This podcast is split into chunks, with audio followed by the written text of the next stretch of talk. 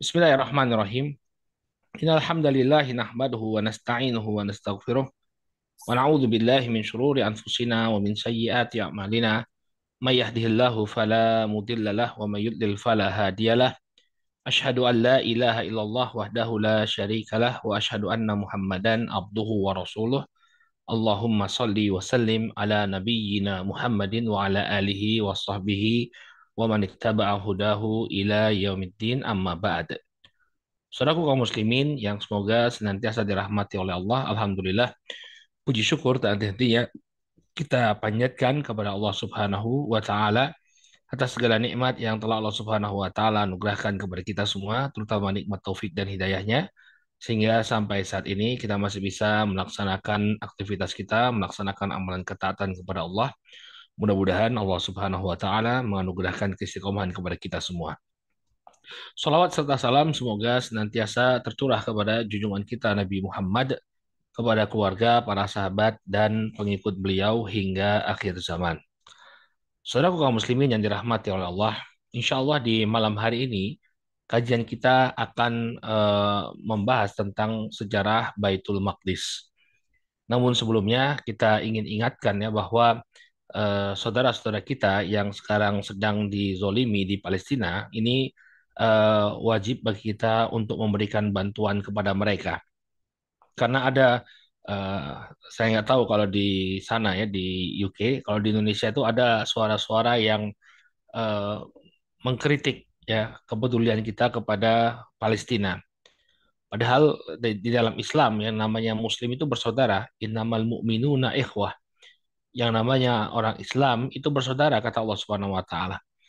Dan dalam uh, tafsir uh, Taisir Karim, Karim Rahman karya Asy'asadi Asy'asadi mengatakan makna innamal mu'minuna ikhwah ya orang-orang yang uh, beriman itu bersaudara maknanya di belahan bumi mana pun ketika ada orang yang beriman kepada Allah Subhanahu wa taala dengan keimanan yang benar maka dia saudara kita tanpa memandang bangsa tanpa memandang uh, apa dari mana dia berasal.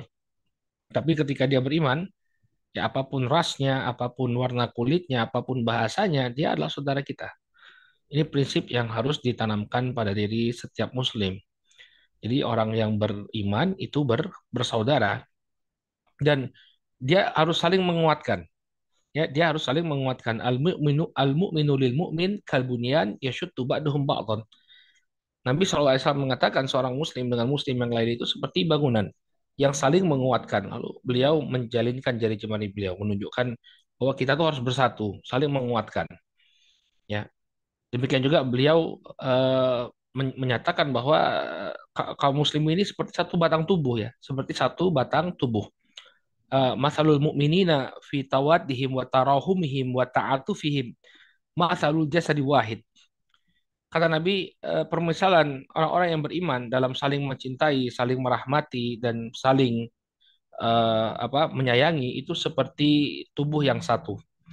Idza ishtaka minhu udwun tada'a lahu sa'irul jasadi bisahri wal humma. Apabila salah satu anggota tubuh itu sakit, maka anggota tubuh yang lain pun merasakan sakit ya merasakan uh, seperti begadang malam dan juga merasakan uh, sakitnya. Ya dan juga kita sebagai orang yang beriman uh, sebagaimana kita menginginkan kebaikan untuk diri kita kita pun menginginkan kebaikan untuk saudara kita. Anda bisa hidup dengan tenang ya. Anda bisa hidup dengan nyaman. Anda pun ingin agar saudara Anda hidup dengan aman nyaman dan tentram. Nabi SAW mengatakan Eh, la yu'minu ahadukum hatta yuhibba li akhihi ma yuhibbu li nafsih.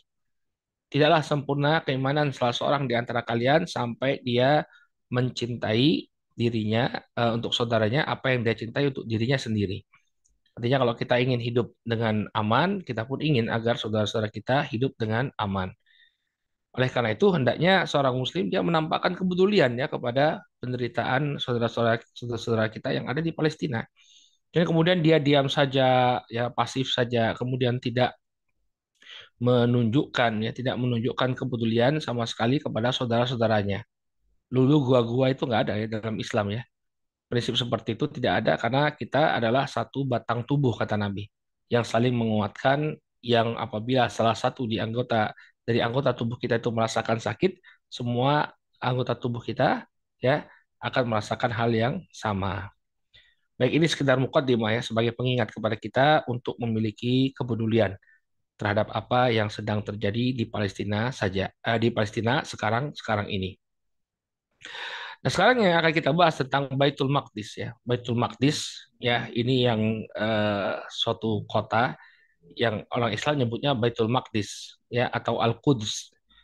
Kalau orang Nasrani menyebutnya Bethlehem. Ya, orang Yahudi menyebutnya Yerusalem. Ya. Itu sama ya, itu sama menunjuk pada suatu tempat yang sama yaitu Baitul Maqdis. Dan Baitul Maqdis ini eh, memiliki keutamaan karena di dalamnya terdapat Masjidil Aqsa. Di antara keutamaan eh, Masjidil Aqsa bahwa dia adalah eh, termasuk masjid yang pertama kali dibangun di muka bumi ini. Ya, termasuk yang pertama kali dibangun di muka bumi ini. Jadi setelah Masjidil Haram yang pertama kali dibangun di muka bumi ini adalah Masjid Al-Aqsa, Masjidil Aqsa. Kalau Masjid An-Nabawi kan dibangunnya belakangan setelah Nabi pindah ke kota Madinah. Tapi sebelum beliau pindah ke kota Madinah dan membangun Masjid Nabawi sudah ada dua masjid. Masjidil Haram dan Masjidil Aqsa.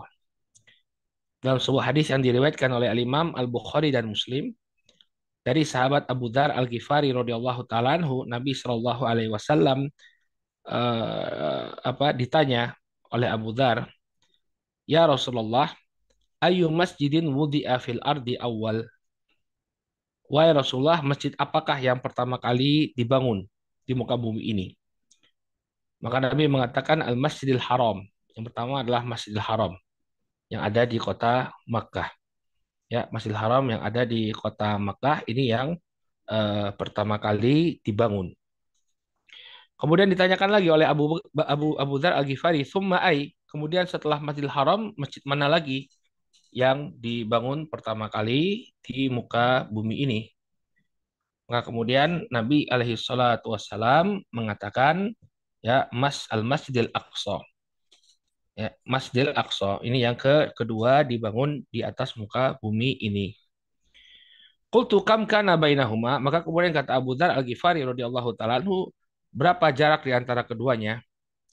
Artinya Masjidil Haram dengan Masjidil Aqsa ini berapa jarak e, dibangun antara keduanya. Qala arba'una sanah. Maka Nabi SAW mengatakan 40 tahun. Ya, jadi e, yang membangun awal itu adalah Nabi Adam ya. Ini menurut pendapat yang kuat dari kalangan para ulama yang membangun Masjidil Haram dan Masjidil Aqsa adalah Nabi Adam alaihissalam. Jadi pertama kali Allah Subhanahu wa taala perintahkan Nabi Adam untuk membangun Masjidil Haram. Kemudian setelah 40 tahun, 40 tahun setelah pembangunan Masjidil Haram, maka dibangunlah Masjidil Aqsa oleh Nabi Adam alaihissalam. Nah, Ustaz itu bagaimana uh, dengan kisah bahwa yang membangun Masjidil Haram adalah Nabi Ibrahim dan Nabi Ismail itu membangun kembali. Jadi pondasinya sudah ada. Ya, pondasinya sudah ada dari sisa-sisa atau reruntuhan bangunan yang dibangun oleh uh, Nabi Adam alaihissalam kemudian dibangun kembali oleh Ibrahim dan Ismail. Demikian juga uh, Masjidil Aqsa karena dalam sebagian riwayat dikatakan yang membangunnya adalah Sulaiman. Maka kita katakan Sulaiman itu adalah membangun kembali di atas pondasi yang telah didirikan oleh Abul Anbiya ya uh, oleh uh, apa oleh Abul Bashar oleh bapaknya manusia yaitu Adam alaihissalam. Dan di antara uh, keutamaan ya, di antara keutamaan kita uh, Masjidil Aqsa ya bahwa orang kalau dia sholat ke di, di Masjidil Aqsa dengan penuh keikhlasan, dia hanya mengharapkan ridho dari Allah Subhanahu wa taala, maka dia akan dihapuskan dosa-dosanya sebagaimana seorang bayi yang baru dilahirkan oleh sang ibu. Ini keutamaan yang luar biasa dari sholat di Masjidil Aqsa yang ada di Baitul Maqdis. Dalilnya adalah sebuah hadis yang diriwayatkan oleh Imam An-Nasai dan eh, disahihkan oleh Imam An-Nawawi rahimahullahu taala ya dari Abdullah bin Amr bin Al-As beliau mengatakan bahwa Rasul Shallallahu alaihi wasallam bersabda anna Sulaiman ibn Daud ya lamma banal baital maqdis sa'alallahu azza wa jalla khilalan salasah bahwa Sulaiman putranya Daud ketika beliau membangun kembali Baitul Maqdis dia meminta kepada Allah Subhanahu wa taala tiga perkara. Yang pertama, ya beliau meminta agar Allah Subhanahu wa taala karuniai dia eh, apa eh, yang pertama dia di dia meminta kepada Allah agar kalau dia memutuskan sesuatu ya maka dia memutuskan dengan apa yang Allah ridhoi. Di Sulaiman ini meminta agar kalau dia menjadi hakim, dia memutuskan sesuatu, dia memutuskan sesuatu dengan apa yang Allah ridhoi. Ini ini uh, permintaannya yang pertama. Kemudian dia meminta kepada Allah Subhanahu wa taala uh, sebuah kerajaan yang tidak diberikan semisalnya kepada orang yang setelahnya. Ya. Kemudian ini pun diberikan kepada Sulaiman. Jadi yang pertama tadi dia meminta agar uh, menjalankan hukumnya Allah. Ini Allah kabulkan. Kemudian yang kedua dia meminta agar uh, apa? Dia meminta agar dianugerahi kerajaan yang tidak ada uh, tandingannya. Dia pun diberikan oleh Allah karena kerajaannya Sulaiman itu uh, penduduknya terdiri dari jin dan manusia. Jadi dia bisa memerintahkan jin. Bahkan Sulaiman bisa memerintahkan hewan ya, memerintahkan hewan berbicara dengan hewan. Maka tidak ada lagi kerajaan yang seperti kerajaan Sulaiman. Kemudian yang ketiga, nah ini dia meminta agar uh, orang yang sholat di Masjidil Aqsa yang dia bangun, ya bahwa siapa pun yang datang ke masjid yang beliau bangun, ya Allah ya'tihi ahadun layan hazuhu illa sholah fihi an yukhrijahu min khotiatihi kayomi waladathu ummuh. Ya aku meminta kepadamu ya Allah agar kalau ada orang yang sholat di masjidku ini yang di Masjidil Aqsa dengan niat dengan tulus ikhlas artinya dia niatnya hanya untuk beribadah kepada Allah Subhanahu wa taala ya bukan untuk uh, ria bukan untuk ber berpose di Masjidil Aqsa misalnya ya tapi niatnya untuk sholat ikhlas karena Allah Subhanahu wa taala maka uh, dia keluar dari Masjidil Aqsa dalam keadaan uh, dosa-dosanya diampuni oleh Allah Subhanahu wa taala sebagai sebagaimana dia dilahirkan oleh sang ibu, oleh sang ibu. Maka ini menunjukkan keutamaan Baitul Maqdis. Demikian juga di antara keutamaan Baitul Maqdis bahwa dia uh, tidak boleh bagi seseorang untuk berbekal ke apa untuk berkunjung ke tiga masjid sambil mempersiapkan perbekalan Artinya dia bersafar jauh untuk berkunjung ke masjid kecuali ketiga masjid. La tashuddu rihal illa ila salasati masajid.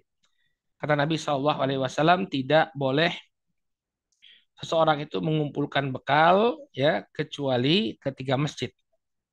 Pertama adalah uh, Masjidil Haram, yang kedua Masjidil Hada, kemudian yang ketiga Masjidil Aqsa. Karena Nabi yang pertama itu ke Masjidil Haram di Mekah, kemudian ke Masjidil Aqsa, eh, ke, ke masjidku ini kata Nabi, ini ke Masjid An-Nabawi, kemudian yang ketiga ke Masjidil Aqsa. Jadi tidak boleh seseorang untuk bersafar, eh, tidak boleh seseorang itu untuk bersafar kecuali ke tiga masjid. Nah sekarang kita akan berbicara tentang sejarah Baitul Maqdis ya. Tadi kita sudah sampaikan bahwa Baitul Maqdis ya di dalamnya terdapat Masjidil Aqsa yang dibangun oleh Nabi Adam alaihissalam 40 tahun setelah beliau membangun Masjidil Haram. Nah, Baitul Maqdis ini terletak di sebuah tanah ya yang eh, beberapa ribu tahun yang lalu didiami oleh eh, masyarakat Kanaan. Ya, Kanaan itu yang mendiami daerah negeri Syam. Ini daerah Palestina sekarang itu didiami oleh eh, masyarakat Kanaan. Maka kemudian uh, ini menurut orang-orang uh, Bani Israel ya, uh, negeri Kanan ini dijanjikan oleh Allah Subhanahu wa taala kepada Nabi Ibrahim alaihissalam. Ya, jadi menurut perjanjian lama uh, apa Taurat ya, kitab Taurat bahwa uh, Abraham dan anak keturunannya ini Nabi Ibrahim alaihissalam dan anak keturunannya itu diberi janji oleh Allah Subhanahu wa taala bahwa eh, dia atau mereka diberi tanah, diberi tanah untuk didiami. Ini negerinya orang-orang Kanaan. Makanya eh, orang-orang Israel ya mereka menganggap bahwa diri mereka adalah keturunan Nabi Ibrahim. Karena ya, orang-orang Yahudi itu mengatakan bahwa eh, kami adalah keturunannya Nabi Yakub.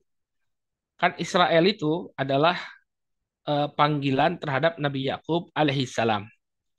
Jadi yang disebut dengan Israel, Israel yang yang memiliki julukan nama Israel itu Nabi Yakub alaihissalam. Isra itu artinya abdun, il artinya elah, sesembahan. Israel artinya Abdullah. Itu panggilan untuk Nabi Yakub alaihissalam. Nah, Nabi Yakub ini adalah anaknya Nabi Ishak. Nabi Ishak adalah nama anaknya Nabi Ibrahim alaihissalam. Maka sesuai dengan perjanjian lama tadi dikatakan bahwa tanah Kanan ini dijanjikan oleh Allah kepada uh, Ibrahim dan anak keturunannya. Maka anak keturunannya Ibrahim adalah Ishak, anak keturunannya Ishak adalah Yakub atau Israel dan kami adalah anak keturunannya Yakub. Maka kami berhak untuk mendapatkan tanah ini sebagaimana yang Allah janjikan. Itulah yang menjadi latar belakang kenapa uh, mereka kemudian mengklaim Palestina itu sebagai tanah mereka. Bahkan lebih daripada itu, uh, Presiden PLO Yasser Arafat itu mengatakan orang-orang Yahudi itu atau orang-orang Israel itu mereka berkeinginan untuk mendirikan suatu negara yang terletak di antara dua sungai. Makanya kalau kita lihat uh, bendera Israel, admin bisa nggak ngambil di internet bendera Israel? Ada bisa, bintang bisa. Daud, bisa kan? Ambil Google sebentar, ambil, kemudian tampilkan, ya. Nah, bendera Israel itu ada bintang Daud, David, ya, ada bintang David. Nah, kemudian uh, ada dua garis biru ya di atas dan bawah. Itu kata walaupun ini dibantah oleh orang-orang Yahudi ya, kata Presiden PLO Yasser Arafat, itu itu lambang dua sungai ya. Biru itu kan identik dengan air ya. Jadi yang atas itu itu Sungai Nil, yang bawah itu Sungai Efrat di Irak ya. Di atas itu Sungai Nil, kemudian di bawah itu Sungai Efrat. Sungai Efrat itu ada di Irak ya, ada di Irak. Jadi eh, negara yang ingin mereka dirikan itu di antara Sungai Nil. Jadi wilayah Mesir itu bakal dicaplok juga nanti ya.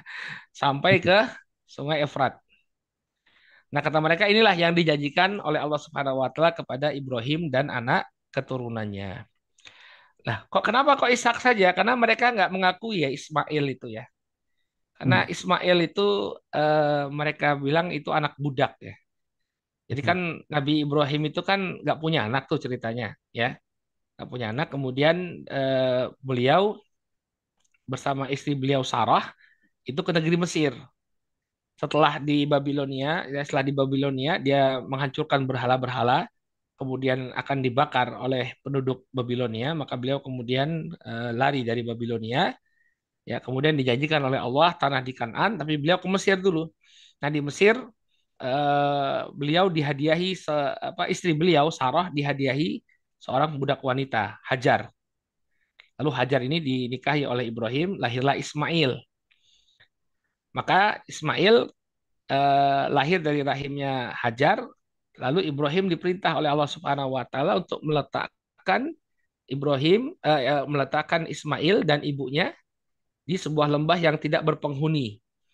Yang dahulu di lembah tersebut ada Baitullah, Ka'bah. Maka diantarlah oleh Ibrahim tadi ya Ismail yang masih bayi dan juga ibunya Hajar ke lembah yang tak bertuan tadi. Kemudian eh, apa Hajar itu bertanya kepada suaminya, Allahu amaraka bihada, wahai suamiku, apakah Allah yang perintahkan kamu untuk meninggalkan kami di sini? kemudian kata Nabi Ibrahim, iya, Idalam yudayi'na. Kemudian kata Hajar, kalau memang Allah yang menyuruh kamu meninggalkan kami di sini, maka Allah tidak akan menyanyiakan kami. Maka kemudian ditinggalkanlah Hajar dan Ismail di lembah yang tak berpenghuni tadi. Lalu eh, habislah bekalnya. Ya, bekal yang disiapkan untuk Hajar dan Ismail habis. Bahkan tidak ada air sama sekali. Nah, kemudian Hajar ini sebagaimana yang disebutkan dalam Sahih Al-Bukhari Muslim dari Abdullah bin Abbas disebutkan bahwa eh, Hajar naik ke atas Bukit Sofa, kemudian turun lagi untuk mencari air, naik lagi ke Bukit Marwah. Nah, ini diabadikan sebagai ibadah sa'i. Lalu beliau melihat di samping Ismail ada malaikat yang kemudian mengorek-ngorek tanah dengan sayapnya. Dalam sebagai riwayat dikatakan bahwa eh, di bawah kakinya Ismail muncul mata air yang jadi mata air zam-zam.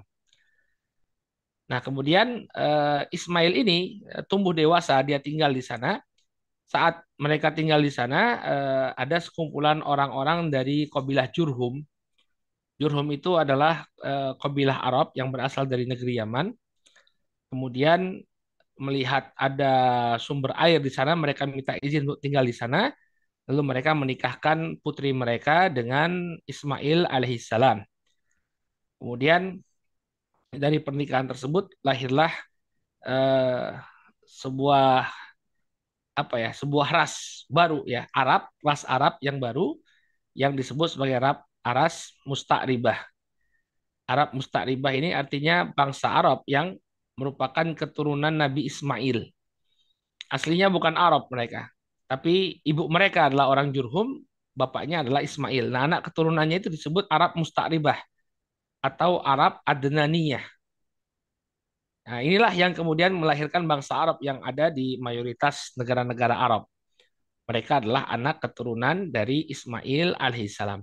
Maka kalau kita kembalikan kepada janjinya Allah, kalau toh itu benar ya dalam kitab Taurat disebutkan, Allah telah menjanjikan eh, daerahnya Kanan tadi, Palestina itu untuk anak keturunannya Ibrahim, maka harusnya bangsa Arab pun diikutsertakan.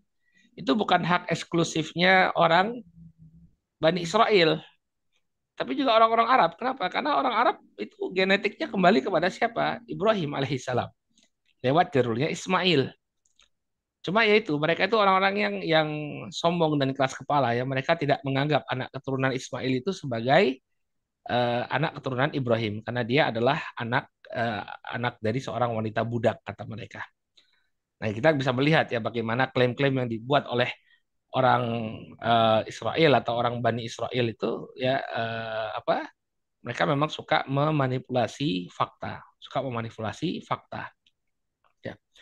Nah, kemudian uh, walaupun itu dijanjikan ya kepada mereka. Jadi awalnya anak keturunan Yakub ya, kita kembali sudah selesai kita tadi pembatasan pembahasan tentang anak keturunannya Ibrahim. Jadi sebenarnya anak keturunannya Ibrahim itu ya berhak ya untuk tinggal di sana kalau mengikuti apa yang disampaikan oleh uh, apa yang disampaikan dalam Taurat ya. Jadi anak keturunan Ismail ada ada keturunannya Ibrahim, ada anaknya Ishak, ada anaknya Ismail ya. Semuanya anak keturunannya Ismail.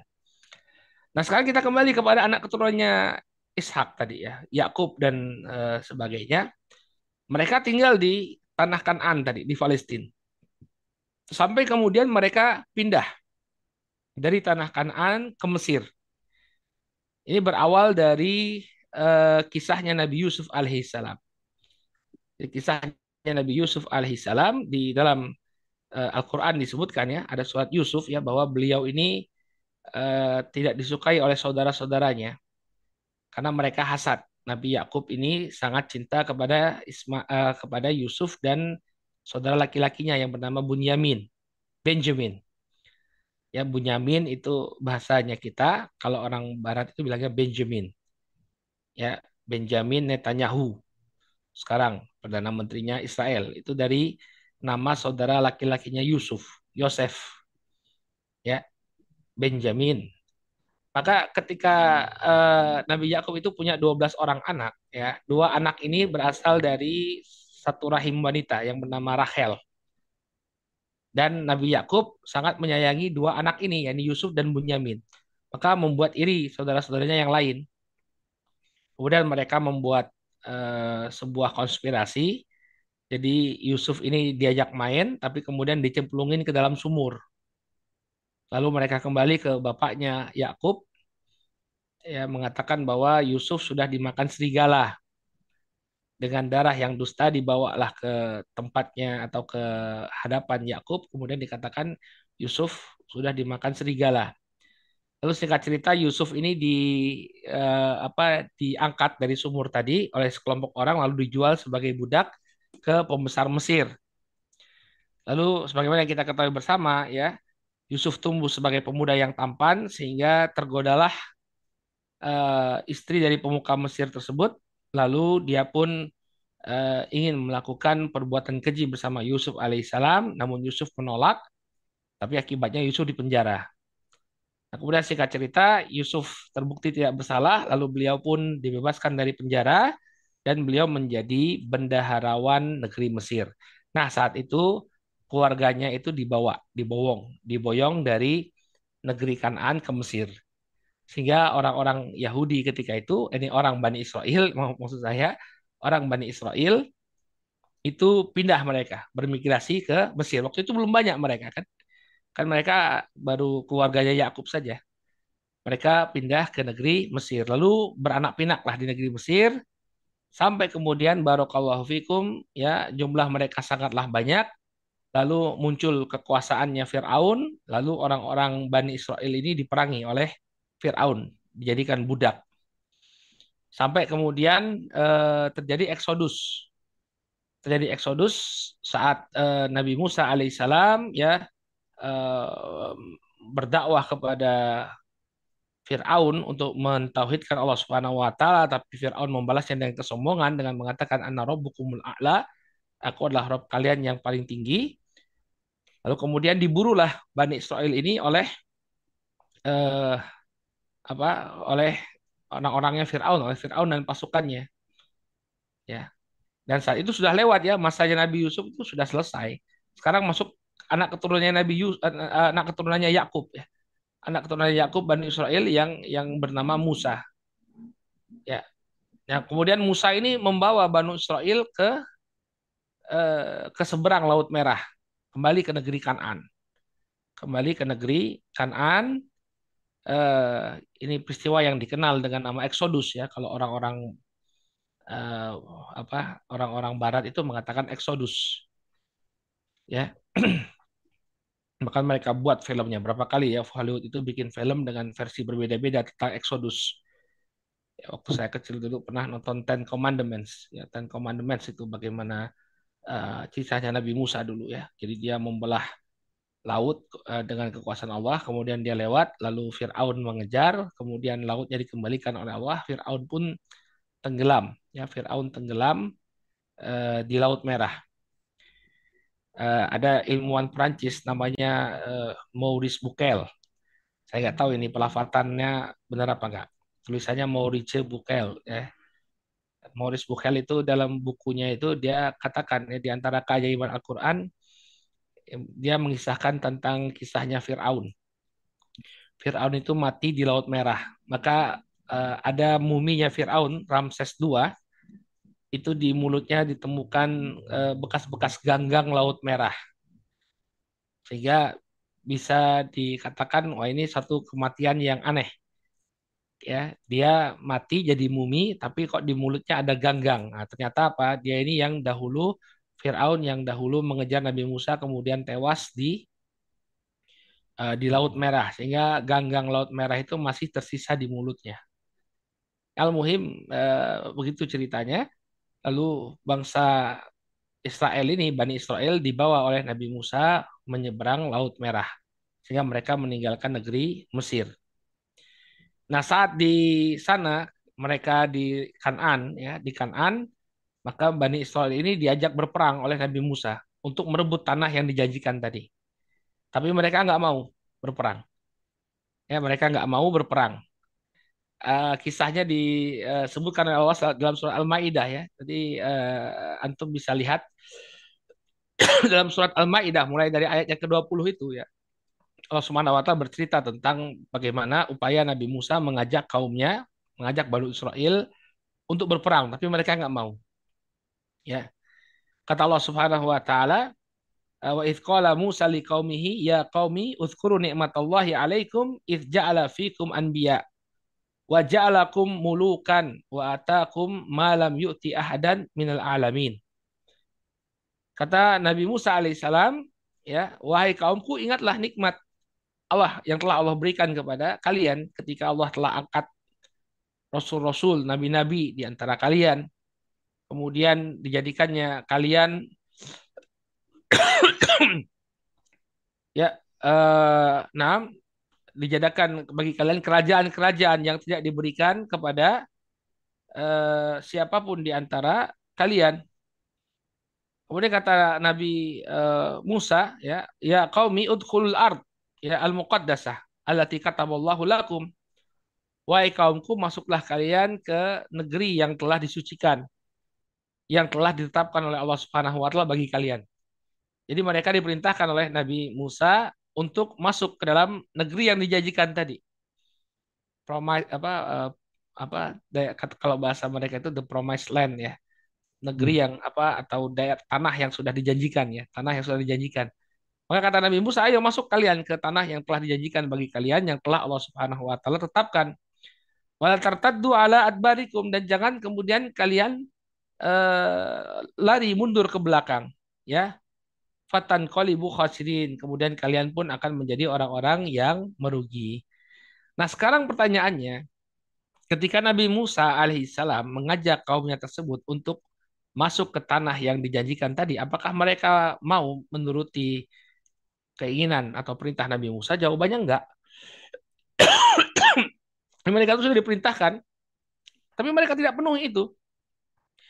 Mereka mengatakan kepada Nabi Musa, "Ya Musa, inna fiha qauman jabbarin wa inna lanadkhulaha hatta yakhruju minha fa in yakhruju minha fa inna dakhilun."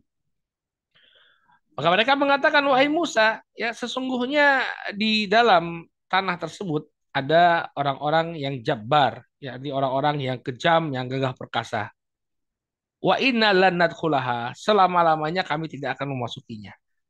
Jadi mereka tidak mau mengikuti instruksinya Nabi Musa alaihissalam. Hatta yakhruju minha, sampai orang-orang tadi keluar, fa in yakhruju minha fa inna dakhilun. Kalau mereka sudah keluar, ya uh, barulah kami akan masuk ke dalam negeri ya ke dalam negeri yang dijanjikan. Lalu mereka mengatakan ya Musa inna lan nadkhulaha abadan madamu fiha fashab anta wa rabbuka faqatila inna hahuna qaidun.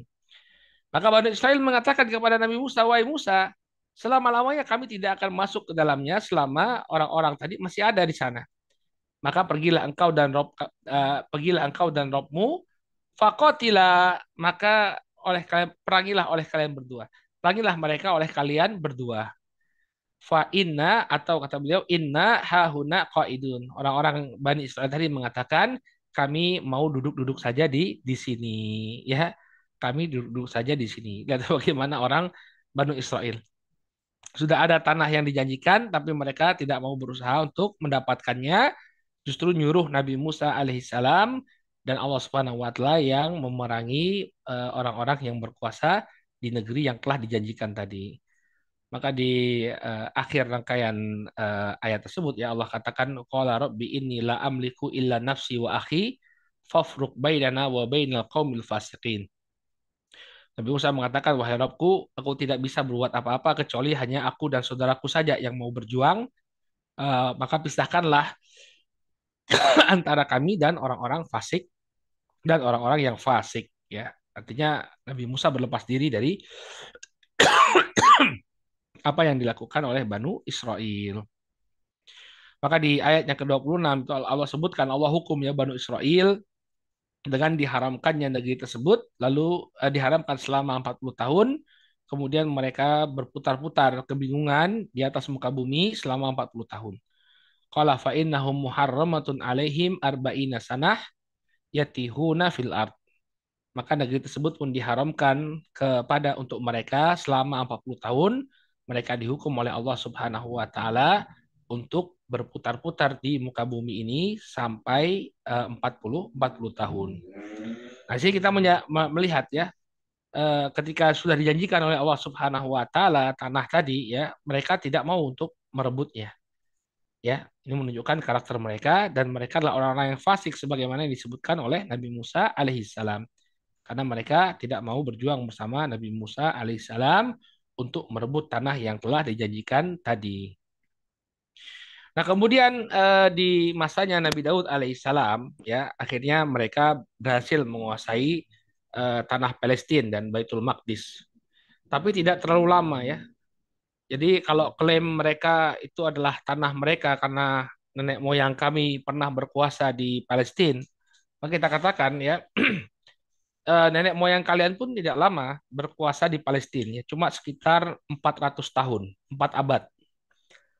Jadi kalau misalnya mereka mengklaim ini tanah kami karena nenek kami dulu pernah berkuasa di daerah ini selama eh, empat abad ya, maka ini eh, sama dengan kondisi misalnya ada orang Belanda ya, ada orang Belanda eh, sekarang ini dia balik ke Indonesia, datang ke Jogja, datang ke Bogor, kemudian mengklaim, eh orang Indonesia keluar kalian. Ya, ini tanah kami. Kenapa? Karena dulu nenek moyang kami pernah berkuasa di negeri kalian. Gitulah kira-kira.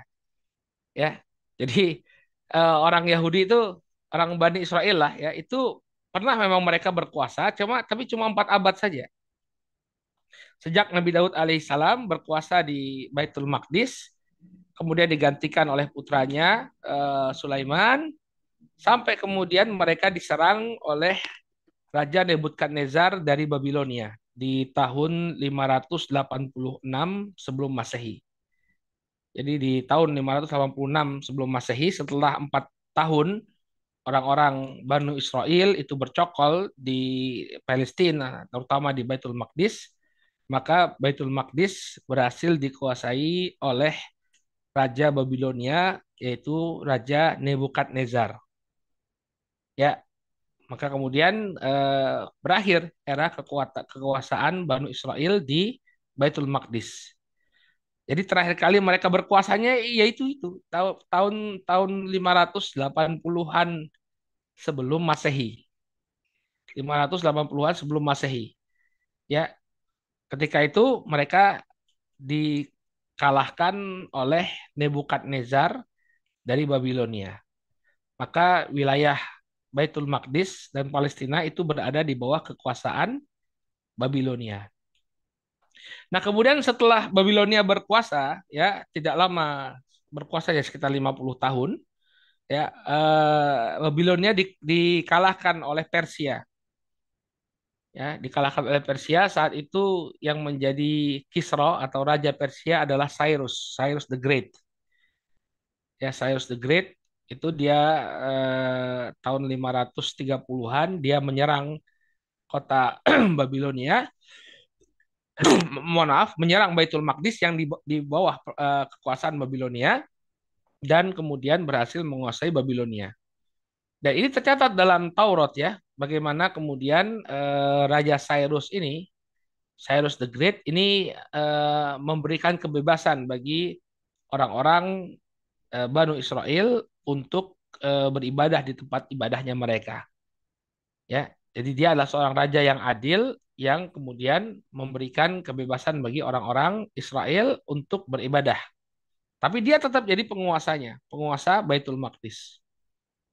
Nah, kemudian apa yang terjadi? Kekuasaan uh, Persia ini juga tidak bertahan lama, sekitar dua abad, ya, sampai tahun 300-an, 333 sebelum Masehi, uh, maka kota Baitul Maqdis diserang oleh Alexander the Great atau Alexander Al-Makaduni.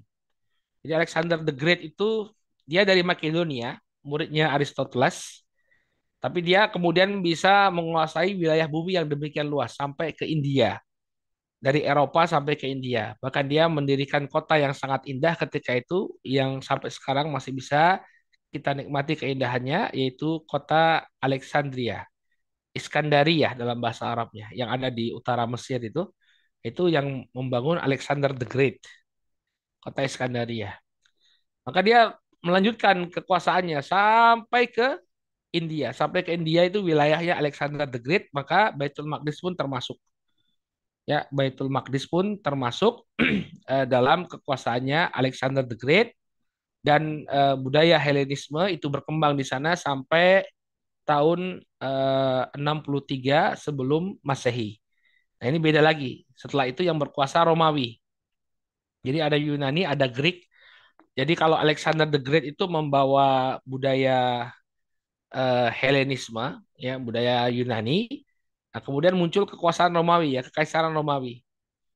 Maka Romawi itu berkuasa mulai dari tahun 63 Masehi sebelum Masehi ya 63 tahun sebelum eh, apa sebelum lahirnya Nabi Musa, Nabi Isa alaihissalam. Nabi Isa alaihissalam. Kemudian mereka membuat provinsi di sana ya, provinsi Yudea namanya. Jadi termasuk protektorat atau wilayah yang dikuasai oleh Romawi, namanya provinsi Yudea. Ya, termasuklah Baitul Maqdis tadi di bawah kekuasaan mereka. Ya. Maka eh, pernah terjadi beberapa kali pemberontakan. Jadi orang Yahudi itu pernah angkat senjata. Di masa Romawi berkuasa itu mereka angkat senjata itu, ya. Mereka angkat senjata untuk membuat negara, untuk mengusir orang-orang Romawi, kemudian membuat negara sendiri. Ya, ada dua kali pemberontakan. Yang pertama tahun 66 66 Masehi. Jadi ini setelah uh, wafatnya atau setelah peristiwanya Nabi Isa, Nabi Isa, Nabi Isa itu ya.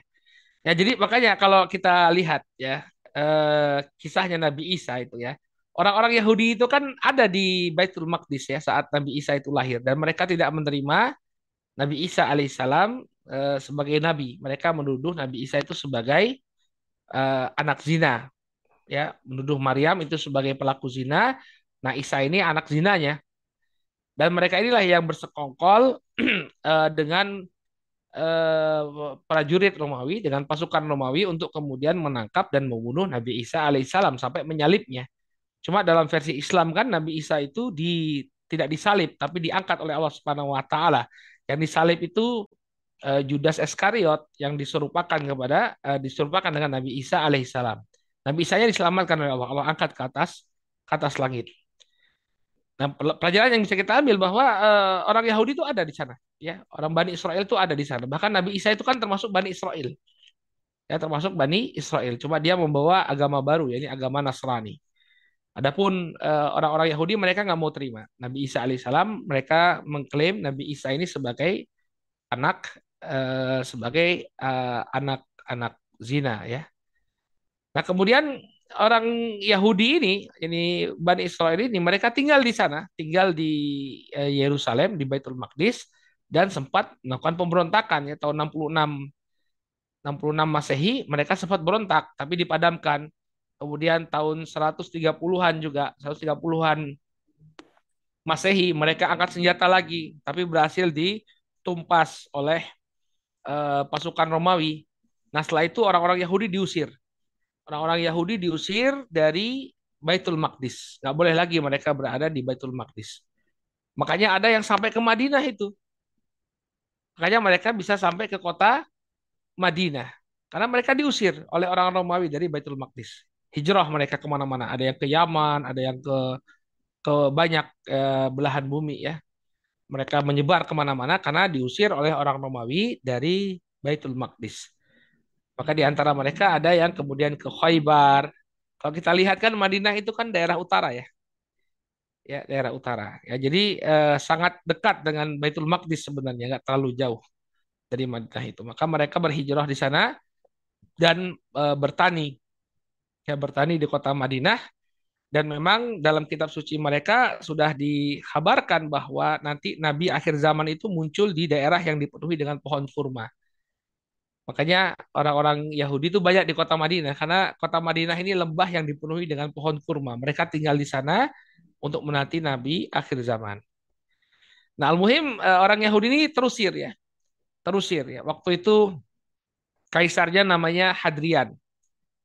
Ada Hadrian Wall kalau nggak salah di Inggris itu ya, dibangun oleh Kaisar Hadrian. Nah, dia yang mengusir orang-orang uh, Yahudi uh, dari Baitul Maqdis. Nah, ketika Baitul Maqdis ini ya berjalannya waktu sampai kemudian Nabi Shallallahu Alaihi Wasallam diutus oleh Allah, ya jadi sekitar abad ke-6 Masehi, tahun 500 eh, atau tahun 600-an itu Nabi diangkat jadi Nabi. Nah, kemudian terjadilah peristiwa yang luar biasa ketika itu yaitu peristiwa Isra wal Mi'raj. Ya Nabi Shallallahu Alaihi Wasallam di uh, isrokan ke Baitul Maqdis, kemudian beliau dimi'rajkan dari Baitul Maqdis ke Sidratul Muntaha. Kata Allah Subhanahu wa taala dalam surat Al-Isra yang Al-Isra ayat pertama subhanalladzi asra bi abdihi lailan minal masjidil haram ila masjidil aqsa alladzi uh, barakna haula linuriyahu min ayatina innahu samiul basir. Allah sebutkan dalam surat Al-Isra bisa ditampilkan mungkin. Coba kita lihat. Allah yang mengatakan, ya suci Allah Subhanahu wa taala yang telah memperjalankan hambanya dari Masjidil Haram ke Masjidil Aqsa yang telah kami berkahi. Jadi Baitul Maqdis itu diberkahi oleh Allah Subhanahu wa taala. Agar kami bisa melihatkan, memperlihatkan kepadanya sebagian dari tanda-tanda kebesaran kami dan Allah Subhanahu wa taala Maha mendengar lagi Maha mengetahui.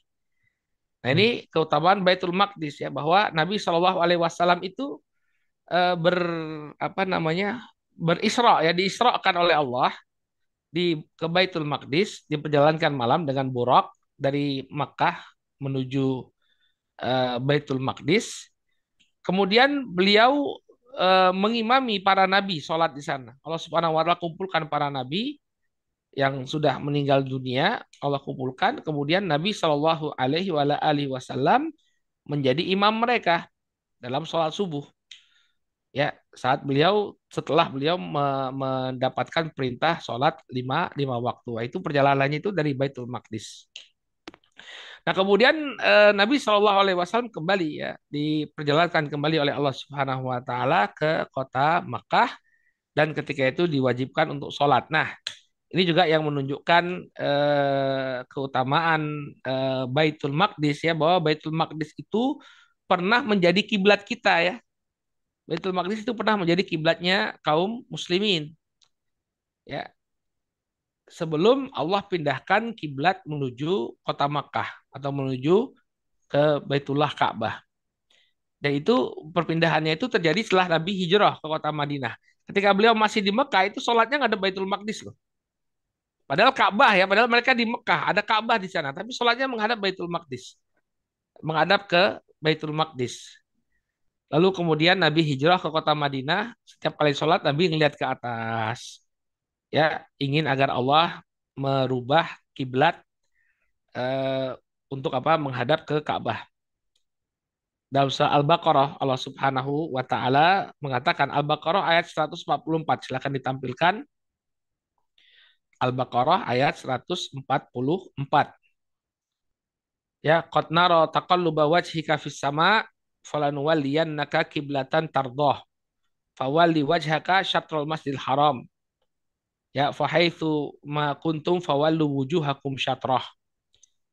Kata Allah Subhanahu wa taala, kami telah melihat ya mukamu atau wajahmu itu menegadah ke atas langit. Maka kami akan palingkan engkau kepada kiblat yang kami ridhoi maka palingkanlah wajahmu ke Masjidil Haram dan di mana saja engkau berada, berupayalah untuk memalingkan wajahmu menghadap ke arahnya. Nah, ini ayat berkisah tentang pergantian kiblat. Makanya di uh, Masjid An-Nabawi, nah jadi ini satu faedah sejarah. Jadi Masjid Nabawi itu dulu bagian yang diatapi itu bagian utaranya. Jadi Masjid Nabawi itu bagian yang ada atapnya itu bagian utara. Kenapa? Karena kiblatnya ngadap Baitul Maqdis dulu. Ngadap ke utara. Nah, kemudian Allah Subhanahu wa taala suruh pindah kiblat ngadap ke Ka'bah. Maka dibikin lagi bagian selatan eh, bagian selatannya dibuat atap. Karena sekarang kiblatnya udah ganti ngadap ke selatan. Dibuat atap. Nah, bagian yang sebelumnya sudah diatapi yang bagian utara saat kiblat itu masih menghadap ke Baitul Maqdis, nah bagian utara itu dijadikan sebagai tempat tinggalnya ahlus sufah. Ya, para sahabat yang tidak punya rumah, tidak punya eh, karib kerabat di kota Madinah, maka mereka tinggal di eh, apa di Masjid Nabawi ya di bagian eh, utara. Yang dahulu di sana ada eh, atapnya karena kiblatnya menghadap ke utara, tapi begitu kiblatnya menghadap ke selatan, maka bagian utara itu di uh, jadikan sebagai tempat tinggalnya ahlu ahlu sufah. Maka Baitul Maqdis memiliki keutamaan bagi kaum muslimin karena dia pernah menjadi, nah itu dia gambarnya, jazakallahu khairan. Nah itu kan ada dua atap ya.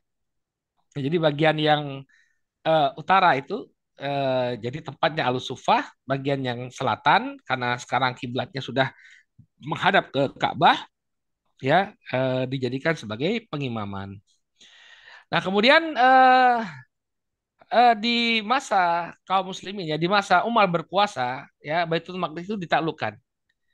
Ya, itu kalau di itu tahunnya 15 Hijriah ya sekitar tahun 630-an sekian ya Masehi uh, Baitul Maqdis tentunya saat itu Baitul Maqdis sudah dikuasai oleh orang Romawi dan orang Romawi itu sudah masuk Kristen ya. Jadi hmm. saat munculnya agama Nasrani, orang Romawi itu masih menjadi penyembah pagan, penyembah berhala. Tapi eh, di masa Kaisar Romawi, eh, kita tahu ya kalau antum belajar sejarah Romawi, dulu Romawi itu satu kemudian pecah kan. Ada Romawi Barat, ada Romawi Timur. Romawi Barat yang eh, ibu kotanya itu di Roma, di Italia. Romawi Timur yang ibu kotanya itu berada di Konstantinopel. Berada di Konstantinopel. Nah, kapan orang Romawi itu menjadi Kristen atau menjadi Nasrani itu di masa Kaisar Konstantianus. Ya, jadi eh, dulu orang Kristen itu dipersekusi ya. Artinya kalau kamu ketahuan Kristen ya sudah disuruh bertanding lawan singa itu ya oleh orang-orang Romawi. Tapi kemudian Allah kasih hidayah lah bahasanya ya. Kasih hidayah kepada Kaisar Konstantianus. Dan sebenarnya bukan dia yang pertama, ibunya namanya Ratu Helena. Itu ada disebutkan oleh Al-Imam Ibnu Katsir dalam Al-Bidayah wa Nihayah. Jadi eh, orang-orang Romawi ini banyak yang masuk Kristen ya. Sejak hmm. Konstantianus dapat hidayah, jadi jadi seorang Nasrani. Awalnya ibunya Ratu Helena masuk Kristen, kemudian diikuti oleh sang anak Konstantianus. Nah, Konstantianus ini bingung ketika itu. Dia baru istilahnya mu'alaf lah ya, mu'alaf. Kemudian mendapati Kristen ini banyak sekali sektenya ada sekte yang masih di atas tauhid ketika itu yang menganggap bahwa Nabi Isa itu adalah uh, nabi manusia biasa. Ada juga yang menganggap Nabi Isa itu anak Allah ya dan memegang prinsip trinitas. Jadi ada tiga Tuhan yang menjadi satu. Tuhan Allah Tuhan Bapa Tuhan Anak yaitu Yesus dan Roh Kudus yaitu Nabi uh, malaikat uh, Jibril alaihissalam Nah, kemudian e, bingung karena banyak sekali aliran Nasrani ketika itu Raja Konstantinus ini bingung, dia membuat perkumpulan. Dikumpulkan para biksu e, bukan biksu apa bishop. Ya bishop itu uskup-uskup ya. Para bishop, para patriark itu dikumpulkan di Nikea. Nikea itu sekarang masuk wilayah Turki ya. Dikumpulkan mereka di Nikea, kemudian disuruh presentasi sama Konstantianus atau bisa lihat dalam Bidayah Wanihayah ya disebutkan oleh Alimah Lukasir dalam Bidayah Wanihayah. Nah, kemudian eh, masing-masing presentasi nah kan Konstantianus ini kan dulu penyembah berhala ya. Orang-orang Romawi itu kan punya dewa sekian banyak dewa. Dewa yang paling besarnya itu dewa Zeus, ya, bapak dari dewa-dewa yang lain. Kemudian Zeus ini punya sekian banyak anak ya ada dewa perang Mars, kemudian ada dewa dewa dewi lah, banyak lah anak-anaknya ya. Uh, maka di, dilihat akidah yang paling dekat dengan akidah pagannya uh, Romawi itu adalah akidah Trinitas. Ya, ya sudah kita kan dulu punya banyak Tuhan ya udah sekarang Tuhannya tiga aja, tiga pun jadi satu itu ya. Maka hmm. uh, sama Konstantianus madhab Trinitas inilah yang jadi madhab yang mereka pegang. Adapun madhab yang masih asli yang berpegang pada tauhid ini akhirnya punah. Ya, sebenarnya jarang sekali kita dapati orang Nasrani di masa kita kecuali mereka berpegang pada prinsip trinitas, menganggap Nabi Isa itu adalah anak Tuhan. Ya, Jesus Christ, Jesus Christ. Ya, maka dia mengatakan Jesus Christ, Jesus Christ. Tuhan itu maksudnya Jesus Christ ya. Hampir semua, hampir semua orang Nasrani sekarang mereka berpegang pada prinsip uh, Trinitas tadi. Ya, nah, itu sebabnya kenapa uh, madhab Trinitas itu yang populer karena itu pilihan raja dan rajanya memilih itu karena itu yang lebih dekat dengan pemahaman pagan mereka. Makanya kita lihat di generasi awal Kristen itu kan uh, dibuat seperti Tuhan-Tuhannya orang-orang Romawi. Jadi Yesus tuh di atasnya ada Helios. Helios itu yang lingkaran apa?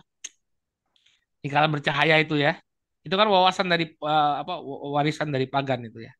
Ada Heliosnya, malaikat ada Heliosnya ya. Kalau kita lihat Yesus pun ada apa uh, Zeus itu ada Heliosnya gitu ya. Taman kesucian. Nah, maka eh, eh, otomatis karena Romawi udah jadi Nasrani, otomatis yang berkuasa di Baitul Maqdis orang-orang Nasrani. Sehingga eh, Palestina ketika itu dikuasai oleh orang-orang Nasrani bangsa Romawi. Sampai kemudian Nabi Shallallahu Alaihi Wasallam ya eh, ada beberapa perang ya, ada perang Mu'tah ya saat Nabi mengirimkan para sahabat ke Romawi sempat terjadi peperangan Ketika itu mereka dipimpin oleh uh, oleh Zaid ibn Harithah, kemudian Zaid bin Harithah gugur, ya kemudian digantikan oleh Ja'far bin Abi Thalib, kemudian Ja'far gugur, digantikan oleh Abdurrahman bin Rawaha, kemudian Abdurrahman bin Rawaha gugur melawan Romawi. Sampai datang Khalid bin Walid, ya Khalid bin Walid kemudian memimpin pasukan kaum muslimin lalu membawa pasukan kaum muslimin mundur dari dari kekuasaannya Romawi dari perang Mu'tah itu ya. Jadi di sini Nabi me, memerintahkan para sahabat untuk merangsek masuk ke wilayahnya orang-orang Romawi. Lalu ini dilanjutkan oleh Abu Bakar dan dilanjutkan oleh Umar dan di masa Umar akhirnya Baitul Maqdis itu berhasil dikuasai oleh kaum muslimin tahun 630-an sekian Masehi. Tahun 15 Hijriah ya. Akhirnya uh, Baitul Maqdis uh, berhasil menjadi wilayah kaum muslimin di masa Umar Ibn Khattab radhiyallahu taala. Bahkan wilayah Palestina atau wilayah negeri Syam itu semuanya berhasil dikuasai oleh kaum muslimin. Sampai perbatasan Turki itu wilayahnya Khulafaur Rasyidin. Ya, sampai wilayah Turki perbatasan dengan wilayah Turki itu masih wilayahnya Khulafaur Rasyidin di masa Umar bin Khattab radhiyallahu taala. Maka otomatis karena kaum muslim berkuasa, Baitul Maqdis pun menjadi wilayah kekuasaan kaum muslimin. Ya. Nah, kemudian apakah kemudian orang Yahudi berhasil berkuasa di sana? Enggak. Jadi terakhir kali orang Yahudi itu posisinya di Baitul Maqdis itu ya saat diusir oleh Kaisar Hadrian itu. Tahun 60-an Masehi, 60 tahun setelah wafatnya Nabi Isa atau diangkatnya uh, lahirnya Nabi Isa alaihissalam, mohon maaf, ya 60 tahun setelah uh, Nabi Isa lahir, ya itu orang Yahudi sudah diusir dari Baitul Maqdis. Yang pernah berkuasa di Baitul Maqdis itu orang Nasrani justru. Mereka pernah uh, dua kali ya berkuasa di Baitul Maqdis. Yang pertama tahun 1099 Masehi. Itu awal kali uh, orang-orang Nasrani berhasil merebut Baitul Maqdis dalam perang salib. Tapi kemudian tahun uh, 1187 Masehi nah, itu terjadi perang Hittin ya eh, Baitul Maqdis berhasil dikuasai oleh kaum muslimin.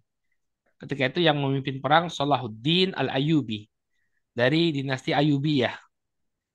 Maka Baitul Maqdis berhasil dikuasai oleh kaum muslimin lagi.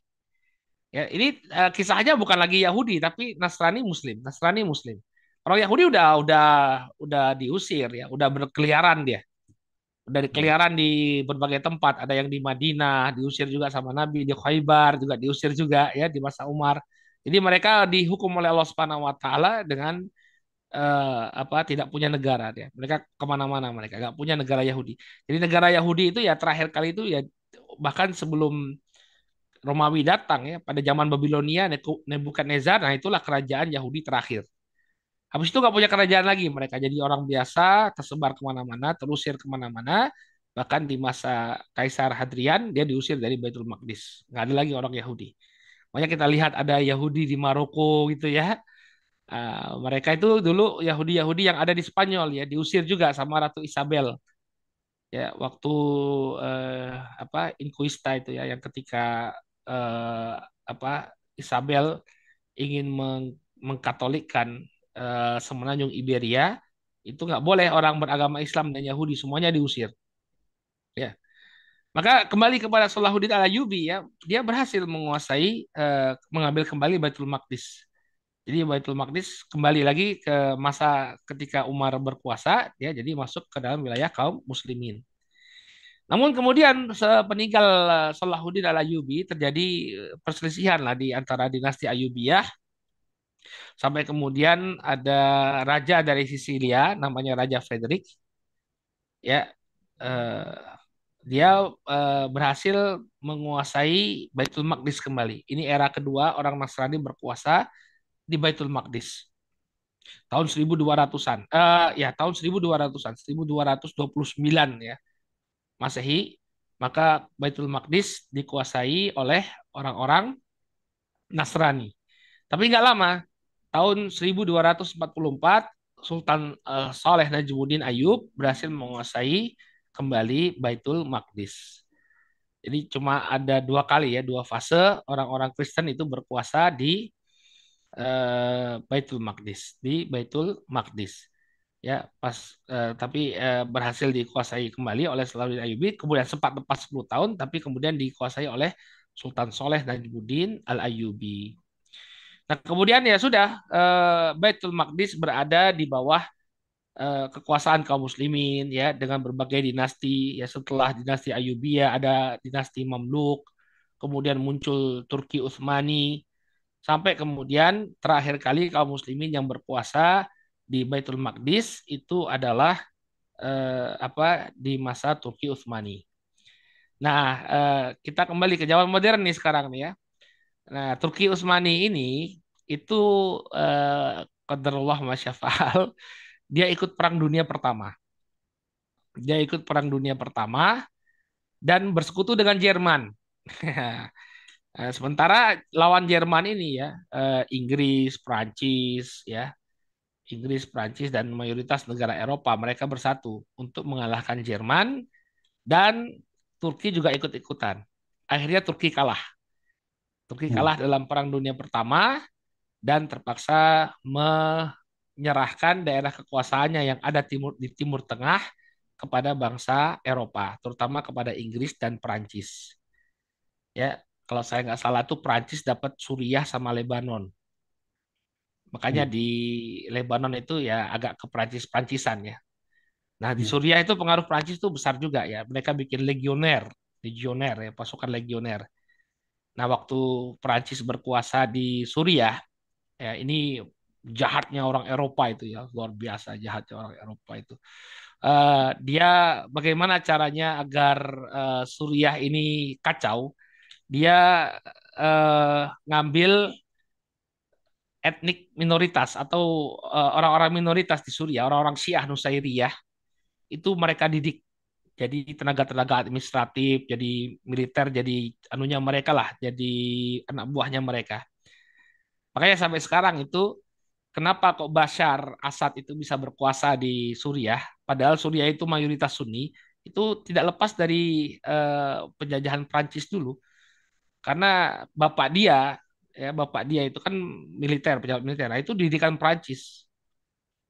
Ya, kalau kalau belajar sejarah Prancis, Prancis itu paling jahat itu. Orang mengenal Prancis itu bangsa yang romantis, itu bangsa paling kejam itu ya Prancis itu ya. Di Aljazair itu wah luar biasa ngeri sekali. Prancis itu kalau menindak eh, pejuang kemerdekaan itu kakinya di semen kemudian tahun 60-an kan sudah ada helikopter ya. Itu pejuang kemerdekaan Aljazair itu kakinya di semen kemudian dicemplungin ke Laut Mediterania itu. Ya, kemudian tengkorak-tengkoraknya para pejuang kemerdekaan itu dibawa ke Paris itu. Ada museum tengkorak di Paris itu. Paris bukan tempat yang romantis ya, tapi tempat yang mengerikan. Ada museum eh, tengkorak ya para mujahidin Aljazair yang mencoba untuk eh, memerdekakan diri. Ya, maka eh, yang terjadi di Timur Tengah ini warisannya mereka semua ya, warisannya negara Eropa. Nah, kita kembali kepada Palestina. Ya, Palestina dikuasai oleh Inggris ketika itu. ya, dikuasai oleh Inggris ya jadi mandat mandat ya mereka mengatakan uh, British Mandate of Palestine nah itu nama resminya daerah Palestina itu British Mandate of Palestine ya daerah uh, mandat Inggris untuk daerah Palestina Nah, apa hubungannya sama negara Israel modern? Nah, di masa Inggris berkuasa di sana, ya, itulah mulai orang-orang Yahudi kembali ke Palestina. Ya. Jadi tahun berapa tahun eh, di akhir-akhir abad 19 itu muncul gerakan Zionisme. Ya, muncul gerakan Zionisme yang eh, yang menjadi tokohnya itu namanya Theodor Herzl. Theodor Herzl itu dia eh, seorang wartawan ya, seorang wartawan sarjana hukum, tapi dia juga wartawan. Nah, dia eh, mengumpulkan orang-orang Yahudi untuk eh, bagaimana caranya agar kita tuh punya negara. Ya, jadi kita tuh gak punya negara. Orang Yahudi gak punya negara. Dia banyak orang ya, ya tersebar di berbagai negara di Eropa dan Asia, tapi gak punya negara.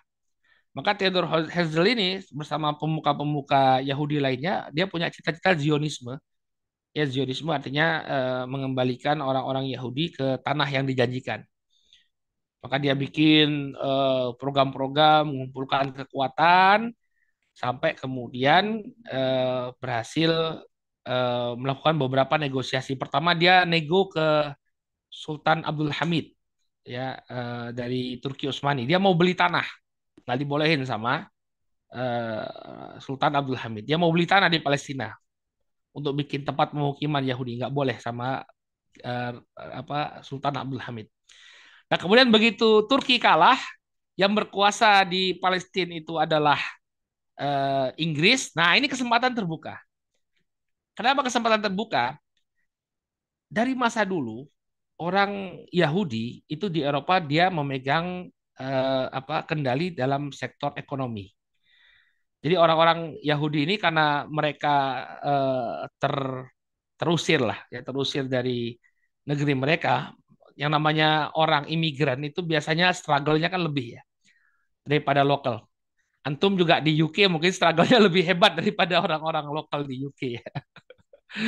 Ya. Eh, Yahudi ini mereka orang asing di negeri-negeri tadi, tapi luar, luar biasa kerjanya. Nah, kebanyakan mereka ini kerjanya itu jadi rentenir. Tukang minjam minjamkan duit. Makanya saya sekarang bisa memahami ya di antara karyanya William Shakespeare itu ada judulnya The Merchant of Venice. Itu cerita tentang bagaimana seorang Yahudi eh, mendapatkan harta dengan memanfaatkan keadaan susah orang-orang ya. Orang susah dipinjemin duit, kemudian dia harus bayar dengan bunga-bunganya. Itu kerjaan orang Yahudi. Makanya munculnya antisemit itu ya, antisemit ya, antisemite orang bilang itu. Sampai dibikin hukum antisemite karena memang orang Yahudi itu dibenci sekali di Eropa. Mereka itu oportunis. Bagaimana caranya agar bisa ngambil keuntungan dari orang? Itu karakter Yahudi yang dikenal di sana. Makanya uh, mereka benci orang-orang tuh benci sekali dengan Yahudi sampai ada Holocaust itu yaitu karena kebencian orang yang luar biasa kepada Yahudi. Karena dia memang karakternya itu dia dia akan ambil keuntungan sebesar-besarnya dari uh, dari orang. Dia nggak peduli orang itu susah atau apa pokoknya dia tarik. Yang penting dia untung. Itu karakternya Yahudi yang kelihatan sekali sekarang. Yaitu karakternya orang Yahudi. Dia berusaha taking benefit dari orang. Ya sampai dibikin hukum undang-undang anti Semite itu ya. Karena memang orang Eropa tuh punya sejarah kebencian kepada Yahudi yang luar biasa, anti Semite. Nah, kembali kepada uh, Inggris tadi, Inggris itu perang dunia pertama dia dia banyak utang.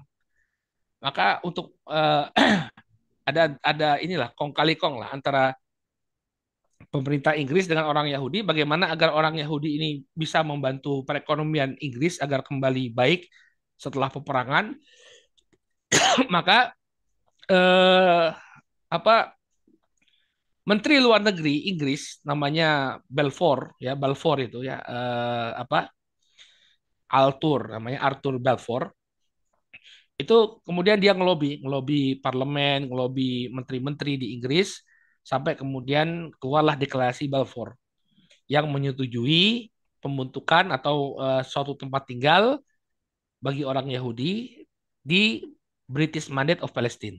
Jadi ada wilayah yang diberikan kepada orang-orang Yahudi. Dengan kompensasi itu nggak tahu di balik layarnya apa. Orang Yahudi itu bayar bayar bayar hutangnya Inggris dalam peperangan itu. Maka kemudian dia bikin surat ke namanya uh, Rothschild ya Rothschild itu orang pemuka Yahudi di Inggris dikirimkan surat oleh Arthur Balfour dikasih tahu bahwa uh, oke okay, kita setujui ya uh, kalian dikasih tempat di mandat Palestina. Nah tapi uh, orang Yahudi yang ada di Eropa mereka nggak mau pindah, mereka nggak mau pindah ke sana. Jadi kan Palestina ya istilahnya daerah yang panas lah, beda dengan Eropa yang sudah uh, yang enak lah bagi mereka. Nah kemudian muncul Holocaust zamannya. Nazi Jerman ya uh, muncul Adolf Hitler Adolf Hitler benci sekali sama Yahudi dia bikin program Holocaust bikin program Holocaust untuk apa? Untuk membantai orang-orang Yahudi. Nah ini dijadikan propaganda oleh Zionis. Ya kamu kalau nggak pindah dari Eropa kamu dibantai Hitler. Ayo pindah. Pindah ke mana Palestina tadi ke tempat yang dijanjikan oleh Inggris. Maka pindahlah, migrasilah orang-orang Yahudi yang Holocaust tadi, yang menghindar dari Holocaust, dia pindah ke eh, Palestina. Makanya ada sebuah foto ya, sebuah foto bersejarah ketika eh, kapalnya orang Yahudi itu mendarat di Palestina, dia mereka bentangkan spanduk. Uh, German already destroyed our house and our family. Please don't uh, destroy our hope. Ya, jadi orang orang Yahudi itu bikin spanduk besar ya. Uh, yang mau lihat spanduknya, coba coba lihat uh, parasit, coba googling itu apa kata-kata tadi ya apa uh, spanduk Jerman atau bahasa Inggris ya, googling aja. Nah itu dia, alhamdulillah untuk dapat. Digedein pak, gedein pak, bisa nggak? Bisa bisa, bisa. Enggak. Ya. Ah, nah itulah the German destroy our families. Uh, our families and house and houses. Yeah. Don't you destroy our hopes. itu mereka yeah. saat datang ke Palestina, ngemis-ngemis mereka, ya jangan kamu hancurkan harapan kami gitu loh. Jangan kalian hancurkan harapan kami. Maka ya sudah orang Palestina, apalagi orang Arab ya, masya Allah ya mereka ketika ada orang yang butuh mereka mereka tampung itu. Itu salah satu uh, apa istilahnya karakternya bangsa Arab ya mereka welcome gitu ya. Sehingga orang-orang Yahudi tadi yang diburu oleh uh, apa oleh uh, si Hitler ditampung di sana ya. Dan bukan hanya itu ya banyak sekali ya kayak uh, hasil apa korban-korban perang dunia kedua itu banyak yang yang ngungsi ketika itu ke Lebanon karena daerah daerah Timur Tengah ketika itu daerahnya aman ya daerahnya aman gitu mereka pindah ke sana ditampung ya Makanya ketika banyak pengungsi dari Suriah ke Eropa kok kemudian diperlakukan dengan tidak manusiawi, ini tidak tahu balas budi gitu ya. Karena dulu mereka ketika Perang Dunia Pertama itu banyak yang mengungsi ke Timur Tengah. Itu sejarahnya itu tercatat, dokumentasinya ada gitu. Ya, ini banyak mungkin yang kita nggak tahu karena memang media informasi itu mereka yang kuasai, mereka bisa bikin film ya. Ya, bikin film uh, List ya. Masya Allah. Kalau orang nonton itu udah jadi pecinta Yahudi udah ya dapat Oscar berapa berapa Oscar itu Schindler List ya Steven Spielberg ya. Nah jadi uh, mereka pindah akhirnya begitu ada Holocaust itu pindah mereka di sana. Nah kemudian setelah banyak oleh mereka uh, tahun 1947 pasca Perang Dunia Kedua Inggris menang kalah Jerman kalah. Nah ini satu satu uh, fakta sejarah yang mungkin banyak juga kita tidak tahu ya uh, bahwa di di masa uh, revolusi itu ya saat uh, terjadi perang dunia kedua ada dua kubu ya kubu as sama kubu uh, apa kubunya Inggris itu. Uh, kan Jerman sama Jepang ya. Jerman sama Jepang itu kan sekutu ya.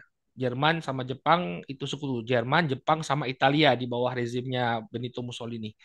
Nah waktu uh, apa selama itu ya uh, ketika Jepang berkuasa di Indonesia, kemudian uh, apa muftinya Palestina, muftinya Palestina itu tahun 1944 dia sudah mengirimkan ucapan selamat atas kemerdekaan Indonesia. Padahal Indonesia itu merdeka 17 Agustus 1945.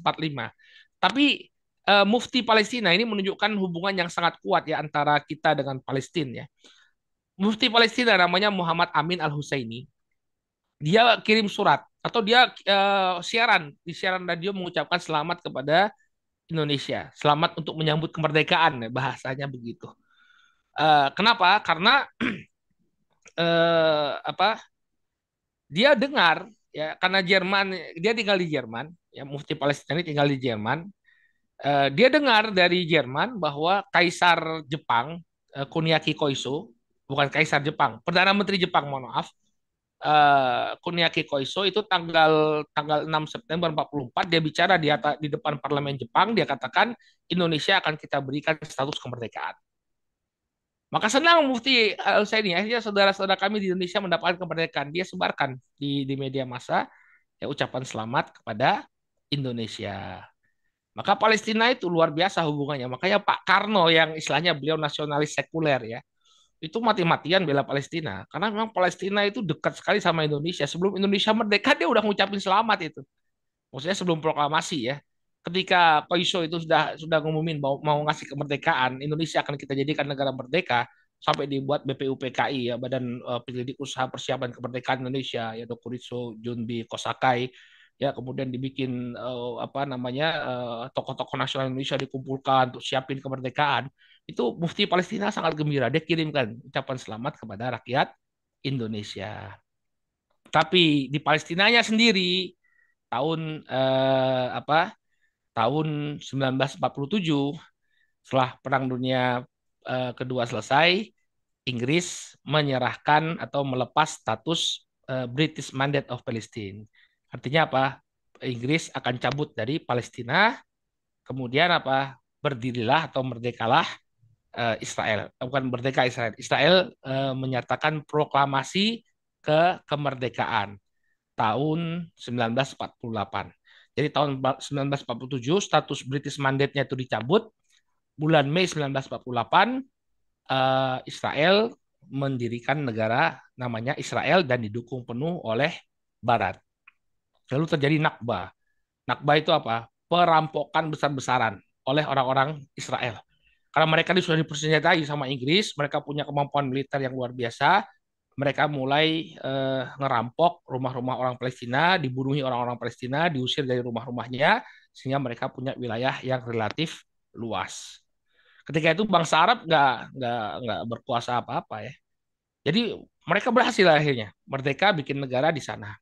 Nah tahun 1967 tahun 1967 terjadi perang lagi ya, perang Yom Kippur. Ketika itu Israel dikeroyok, dikeroyok oleh Suriah, Mesir, ya Liga Arab itu semuanya ngeroyok ya Jordan itu ngeroyok Israel tahun 1967 pada hari Yom Kippur.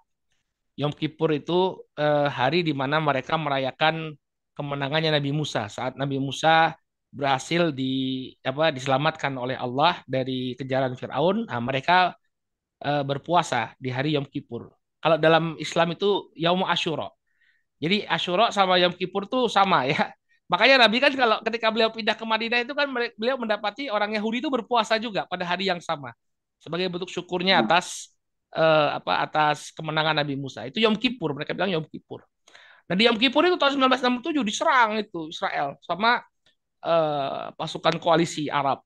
Tapi kalah. Kenapa? Belakangnya Israel ini Amerika ya. Ada Amerika, Inggris. Kita lihat sampai sekarang ya. Inggris itu uh, kita bilang uh, di Amerika itu semua presiden itu di bawah Yahudi.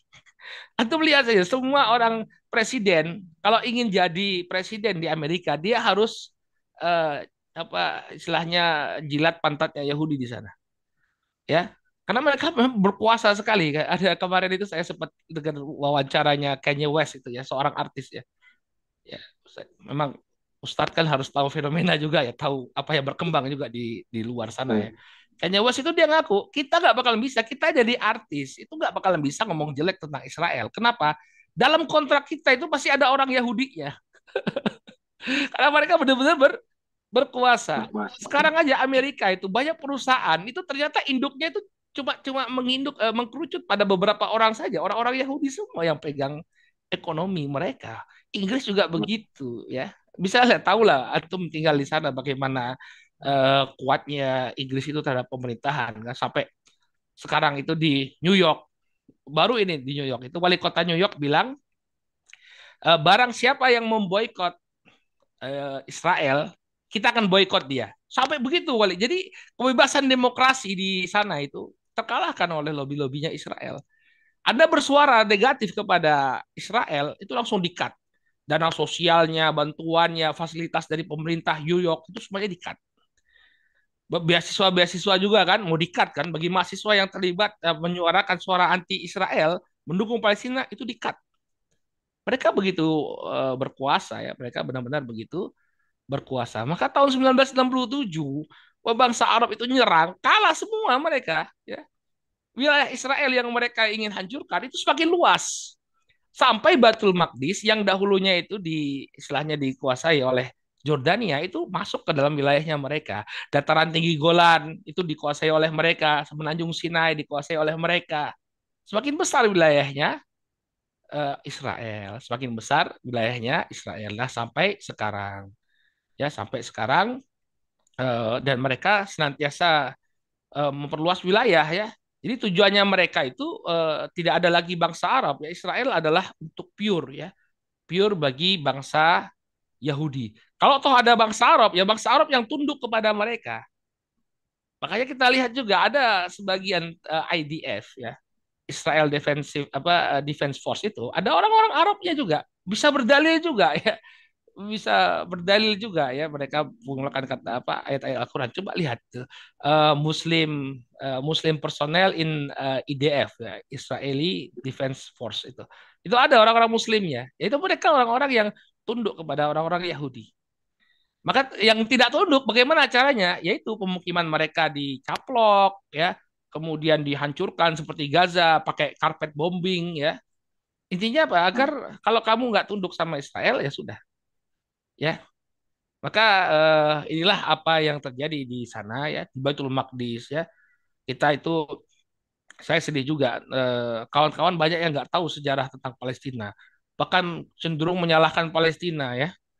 Mengatakan uh, kepada misalnya kayak Hamas itu kamu kalau nggak mau uh, dilempari rumahmu jangan kelempari rumah orang gitu katanya jadi maksudnya kamu jangan nyerang Israel dong kalau nggak mau negerimu di apa diserang oleh Israel. Ini bukan apa-apa, mereka itu pendatang ilegal ya. Pemilik tempat tersebut ya adalah uh, orang-orang bangsa Palestina. Cuma gara-gara Inggris itu tempat tinggalnya antum itu. Inggris itu ya bikin gara-gara dia serahin tempatnya apa apa daerahnya orang Arab kepada Israel jadi negara itu lagi jadi sumber konfliknya itu ya.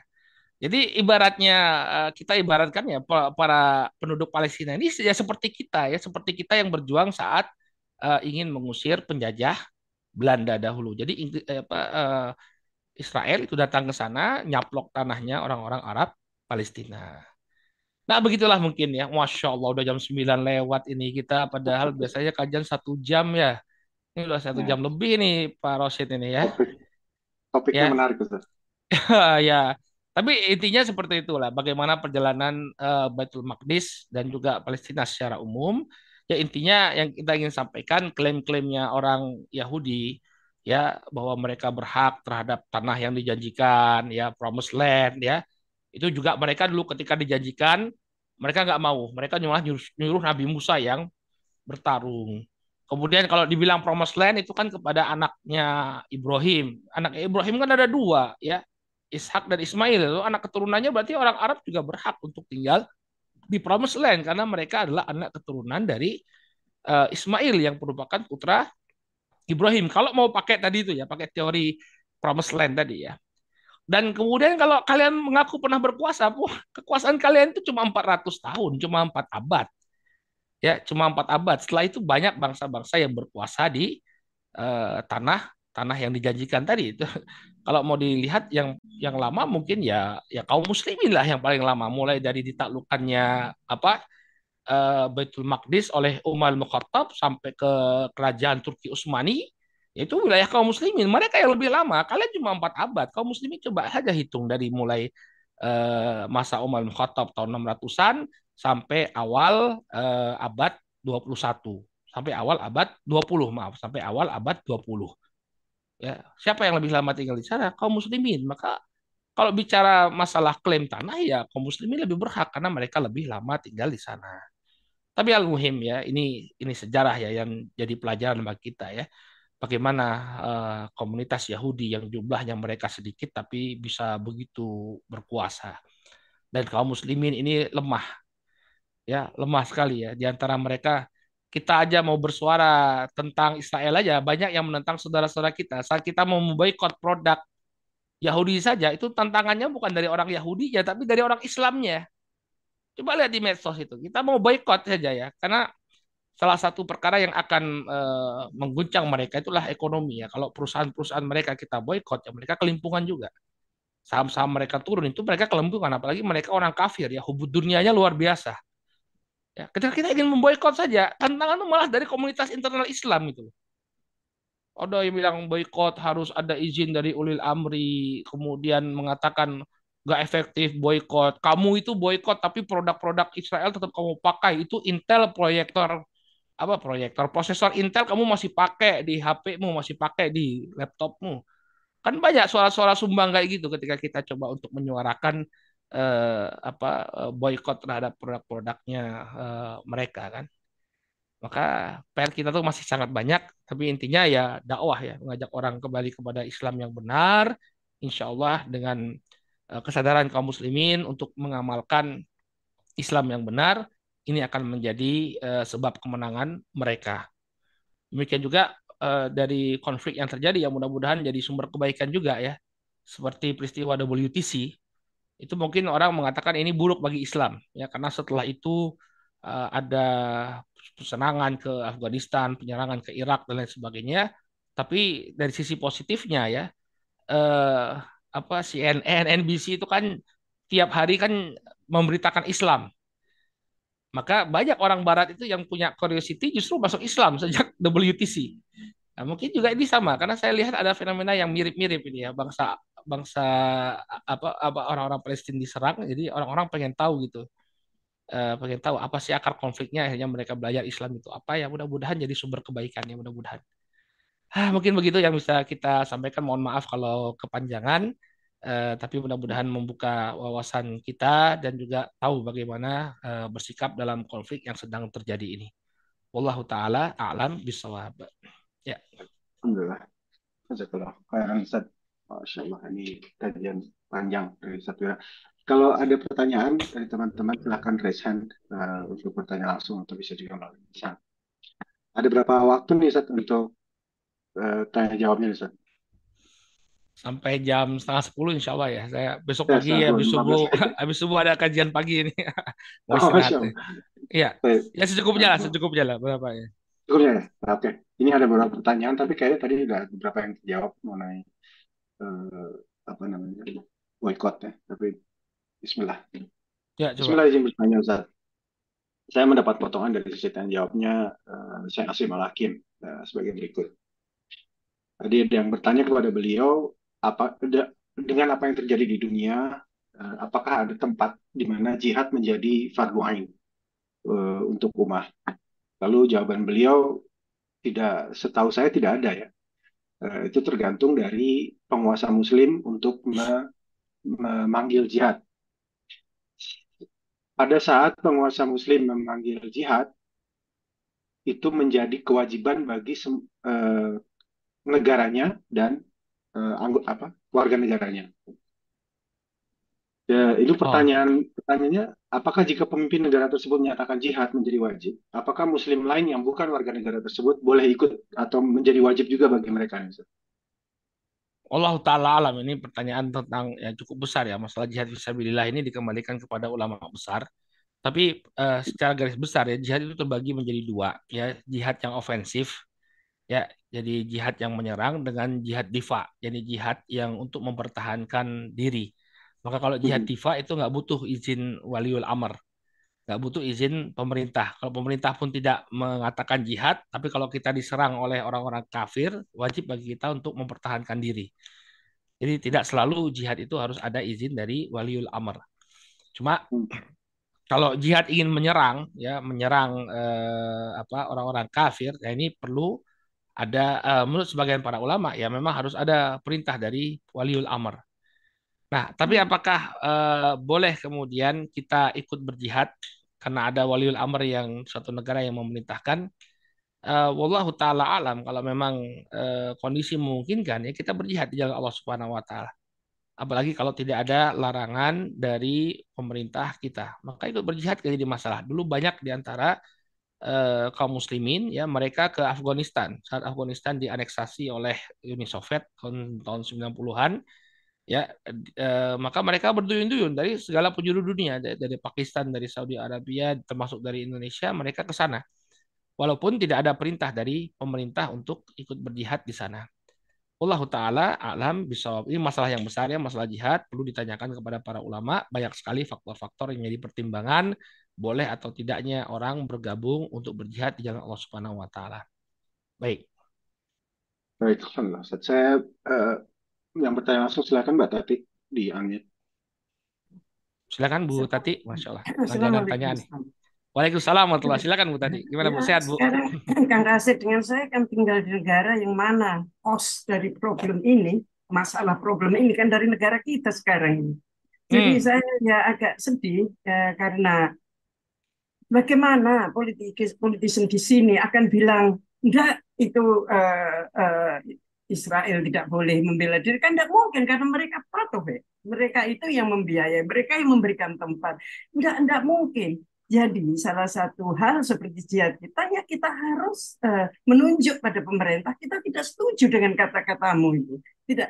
Lah, tempo hari kita tanya, ada saudara yang tanya pada pengajian yang lalu itu tidak harus itu eh, pakai demonstrasi. Nah di sini demokrasi itu yang tertulis yang Iya. banyaknya orang yang tidak setuju. Bagaimana kok itu tidak tidak tidak ada gunanya? Saya tidak begitu setuju. Menurut Ustaz, saya salah atau gimana?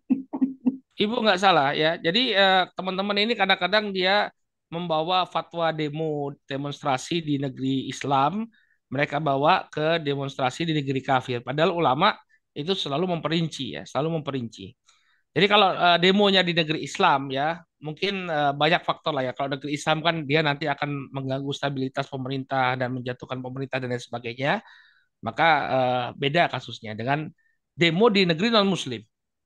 Syekh Muhammad bin Saleh Al Utsaimin, Syekh Muhammad bin Saleh Al Utsaimin itu pernah berfatwa eh, ketika hak-haknya kita itu tidak diperoleh kecuali dengan demo di negeri kafir ya, maka aku memandang redaksinya begitu, beliau aku memandang fala ba'sa bihi, tidak mengapa dengan berdemo. Ada fatwanya Syekh Muhammad bin Saleh Al Utsaimin yang seperti itu membolehkan demo. Ya, jadi eh, perlu dilihat kembali kasusnya, apalagi di negeri barat ya. Katanya kalau di Perancis itu, di Perancis itu, eh, Perancis kan negerinya demo ya, mereka yang bikin eh, demo sejak munculnya revolusi Perancis itu ya, Eh, tergulingnya kerajaan Perancis itu kan gara-gara demo ya. Nah di Perancis seperti di Perancis ya, Anda itu tidak akan diperhatikan kalau nggak demo ya. Makanya bikin demo. Jadi di negara paling suka di demo itu ya Perancis itu ya.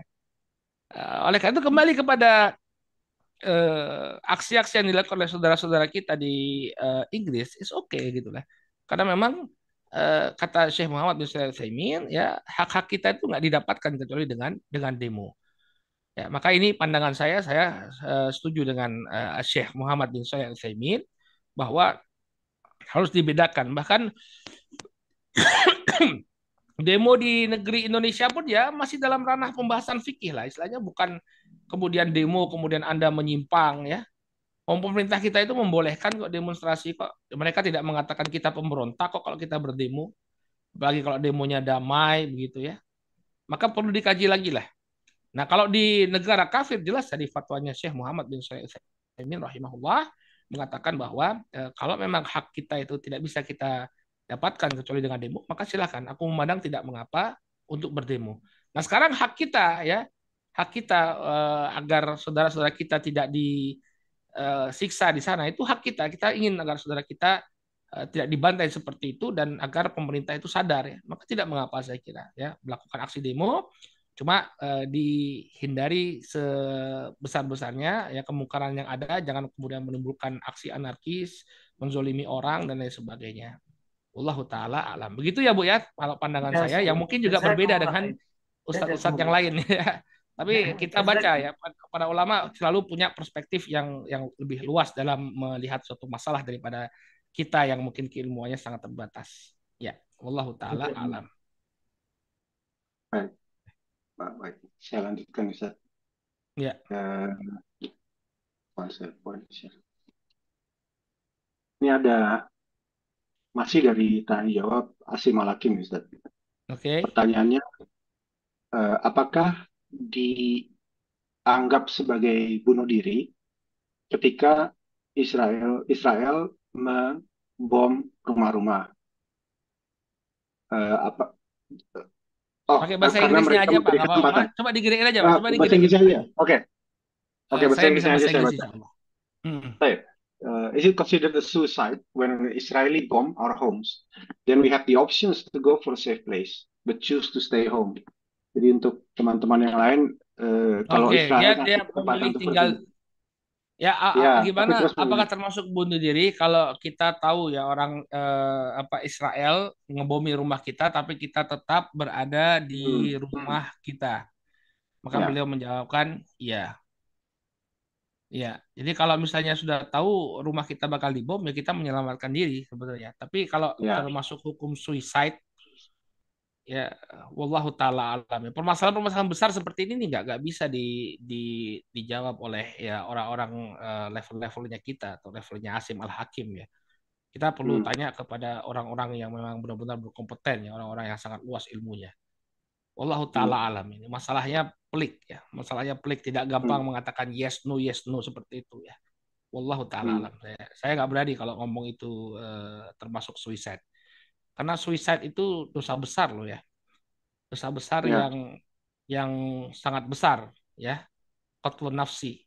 Membunuh diri itu adalah dosa besar yang sangat besar yang implikasinya itu eh, sangat luar biasa kalau memang kita putuskan itu sebagai eh, aksi bunuh diri. Ya, misalnya saya di rumah, saya saya keluar rumah pun juga tidak ada jaminan saya selamat gitu ya, karena yang ya, namanya eh, Yahudi ini mereka memang nggak punya belas kasih ya. Ya baru hmm, baru kabar orang disuruh eh, pindah ke selatan sama Yahudi.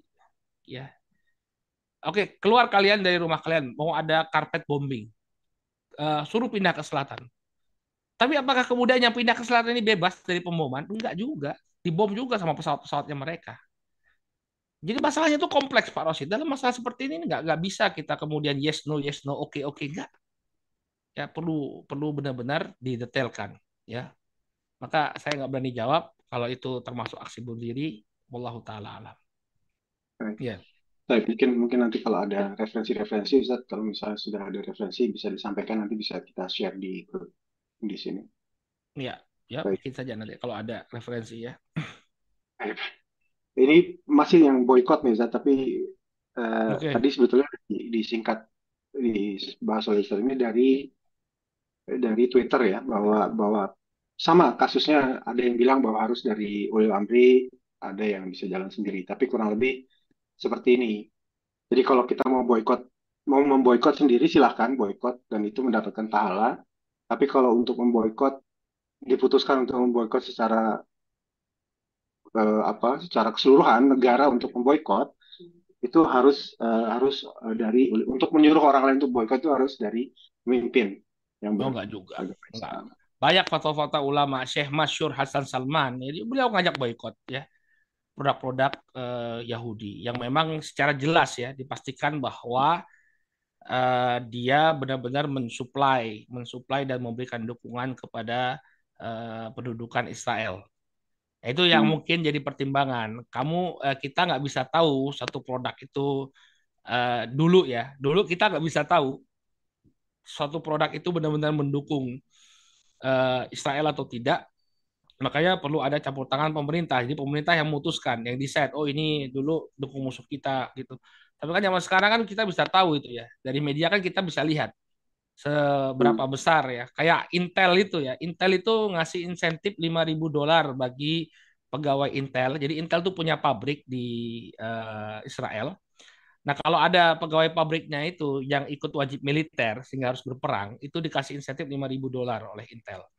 Itu berarti kan dia mendukung, ya, mendukung eh, pendudukan Israel. Ya sudah kita boykot, tapi susah juga kalau Intel ini jadi dia menguasai teknologi semua prosesor kita dari sana gitu ya. Nah, Hmm. eh, kata Syekh Mansur Hasan Salman ya nggak perlu. Syekh Mustafa Al Adawi banyak sekali ya eh, ulama-ulama yang berfatwa tidak perlu eh, fatwa dari ulil amri Uh, antum di Inggris siapa ulil amrinya? Nggak mungkin lah si India ada. itu bilang boykot. Iya, nggak ada. Ulil amri itu siapa gitu? Pak, Eh? hmm. Ada Siapa ulil amrinya di saya. British itu? Kalau si siapa Rosali ada siapa? Perdana Menterinya siapa? Sunil. Eh, Rishi Sunak. Lah itulah pokoknya India itu nggak bakalan dia bilang apalagi eh, suruh boykot ya. Tapi alhamdulillah kal- kalau ta- eh, pemerintah enggak, kan pemerintah nggak melarang. Seperti Presiden Jokowi itu tahun 2016 dia keluarkan statement ya negara-negara OKI, Organisasi Konferensi Islam itu harus mendukung pemboikotan produk Israel tahun 2016. Makanya kawan-kawan tuh kadang-kadang wawasannya itu enggak apa kurang gitu ya. Pokoknya harus ada walil amri. Pemerintah kita itu Indonesia ya. Saya walil amrinya orang Indonesia ya, pemerintah Jokowi ya. Jokowi itu bilang tahun 2016 di di konferensi OKI dia bilang oh, OKI itu harus aktif gitu loh memboikot produk Israel. So it's not a problem itu, bukan satu permasalahan Anda boikot produk-produknya orang-orang Yahudi yang memang memberikan dukungan. Tidak ada yang tidak berlawanan dengan pemerintah. Pemerintah justru merestui. Justru pemerintah kita yang punya program untuk memboikot produk produk Israel. Alhamdulillah. Jadi kalau kawan-kawan Indonesia yang ribut-ribut itu kasih tahu aja itu Jokowi itu memperbolehkan bahkan mendukung. Presiden kita masih Jokowi loh, belum ganti loh ya.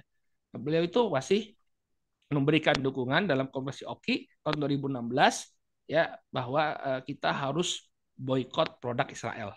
Kita harus dukung negara-negara Islam untuk memboikot produk Israel. Jadi nggak ada masalah sama sekali. Pertanyaan sekarang kalau misalnya orang ada kita nih, bukan bukan Lil Amri bukan, hanya sesama Nah, muslim. Teman kita, teman kita, teman kita masih belanja, masih makan di McDonald's gitu. Boleh nggak Hmm, kita, Ustaz, marah-marahin dia gitu? nggak usah lah, nggak usah. Nggak usah, nggak Nggak usah lah. Cuma nggak kasih tahu aja, nasihati aja kalau McD ini eh, kasih makan siang free, happy meal ya. Kasih tahu aja tuh, habis ngebantai anak-anak Palestina tuh mereka pesta happy meal dari McD gitu ya. Hmm, baik. Baik. Ya. Ini ter- terakhir nih Ustaz, ada saya Ah, share oke. eh, apa video dari TikTok ini salah satu doa di sini eh, Syamsi ya, eh, sunnah ini. Sorry, sorry, sorry. Maaf, maaf, Mas, ininya nggak masuk ya, Son. suaranya. Tapi Bentar, ada bentar. tulisannya itu apa deh? Oh iya, sebentar Ustaz, saya saya share, eh, sorry, Eh, ke share semua. I want us to be free, free Palestine, but I don't want to pray. I don't want to do the uh, stay away from the haram, but I want to show support Palestine. Okay, supporting Palestine is not with emotions. Supporting Palestine with قال الله قال الرسول عليه الصلاة والسلام. بارك الله فيكم. And this is, is hard for some Muslims. They don't like it.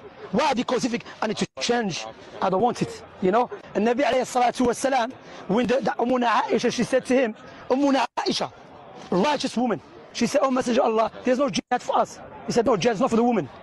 Your jihad is hajj. Ummuna Aisha, yeah. Then they say we have to fight. But you can't even fight your own desires. Okay, okay, okay. Itu gimana, Wallahu taala alam ya. Ya, kondisi sudah jauh berbeda. Ini masalah-masalah seperti ini ya kita perlu tanyakan juga kepada para ulama. Mungkin dia memper, ditanyakan tentang wanita-wanita yang keluar untuk berdemo mungkin ya. Ya, Benar gak itu? Hah? ya, kurang lebih demonya sendiri sih Ustaz, karena eh, kalau menurut menurut mereka ini dari eh, dakwah sunnah di UK, eh, mereka ini keluar tapi ya masih walaupun laki-lakinya masih masih masih Nggak sholat. melakukan dosa-dosa besar lah ya gitu. Hmm, ya benar juga nasihat dia ya kita sebagai muslim ya harus menjauhi dosa besar tapi kalau orang mau ngasih dukungan ke Palestina apakah kemudian kita larang kamu sholat dulu baru dukung ke Palestina ya masalah sholatnya dia adalah masalah satu masalah masalah dukungan ke Palestina ya masalah yang berbeda gitu ya memang benar kita harus memperbaiki diri agar Allah berikan kemenangan tapi jangan kemudian aksi dia membela Palestina itu jadi suatu hal yang salah gitu ya pokok masalah masalah-masalah seperti ini nih ya ya masalah perempuan juga yang keluar untuk me, apa menyuarakan apa menyuarakan eh, apa eh, dukungan dukungan kepada Palestina Palestina. Nabi itu kan mengatakan kepada Aisyah bahwa jihadnya perempuan itu adalah eh, haji ya kan. Tapi kan kita dapati juga kan wanita-wanita kaum muslimin itu hadir juga dalam jihad fisabilillah ya. Ummu eh, adiknya Ummu Sulaim bintu Mihran itu, eh, Ummu Sulaim bintu Milhan Cyprus ya. eh, di Cyprus ya, makamnya di Cyprus. Kenapa? Dia ikut jihad ya. Dia ikut suaminya berjihad. Ada di, di Cyprus sana makamnya. Ya, apakah kemudian dia berarti nggak nurut sama eh, Nabi SAW ya jihadnya perempuan itu adalah haji ya, tapi dia makamnya di Cyprus ya. Ya, eh, kemudian eh, banyak para sahabat sahabiah juga yang yang di medan pertempuran memberikan air minum kepada eh, apa kepada para mujahidin. Ini masalahnya kompleks ya. Allah taala alam. Eh, kita perlu banyak referensi dan tidak mudah untuk memutuskan. Saya sendiri dalam permasalahan putus. Lah Ustadz videonya mati ya Ustadz. Suaranya hilang. Wah, saya-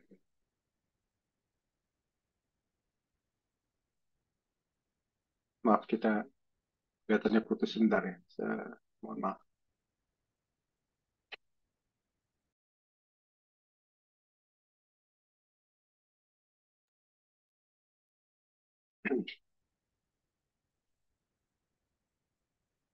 Halo Ustadz, Eh, bisa dengar Ustadz? Video dan suaranya hilang ya Ustadz.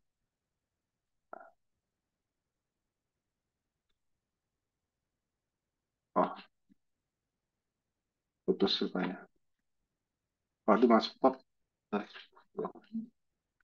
Ada di bawah.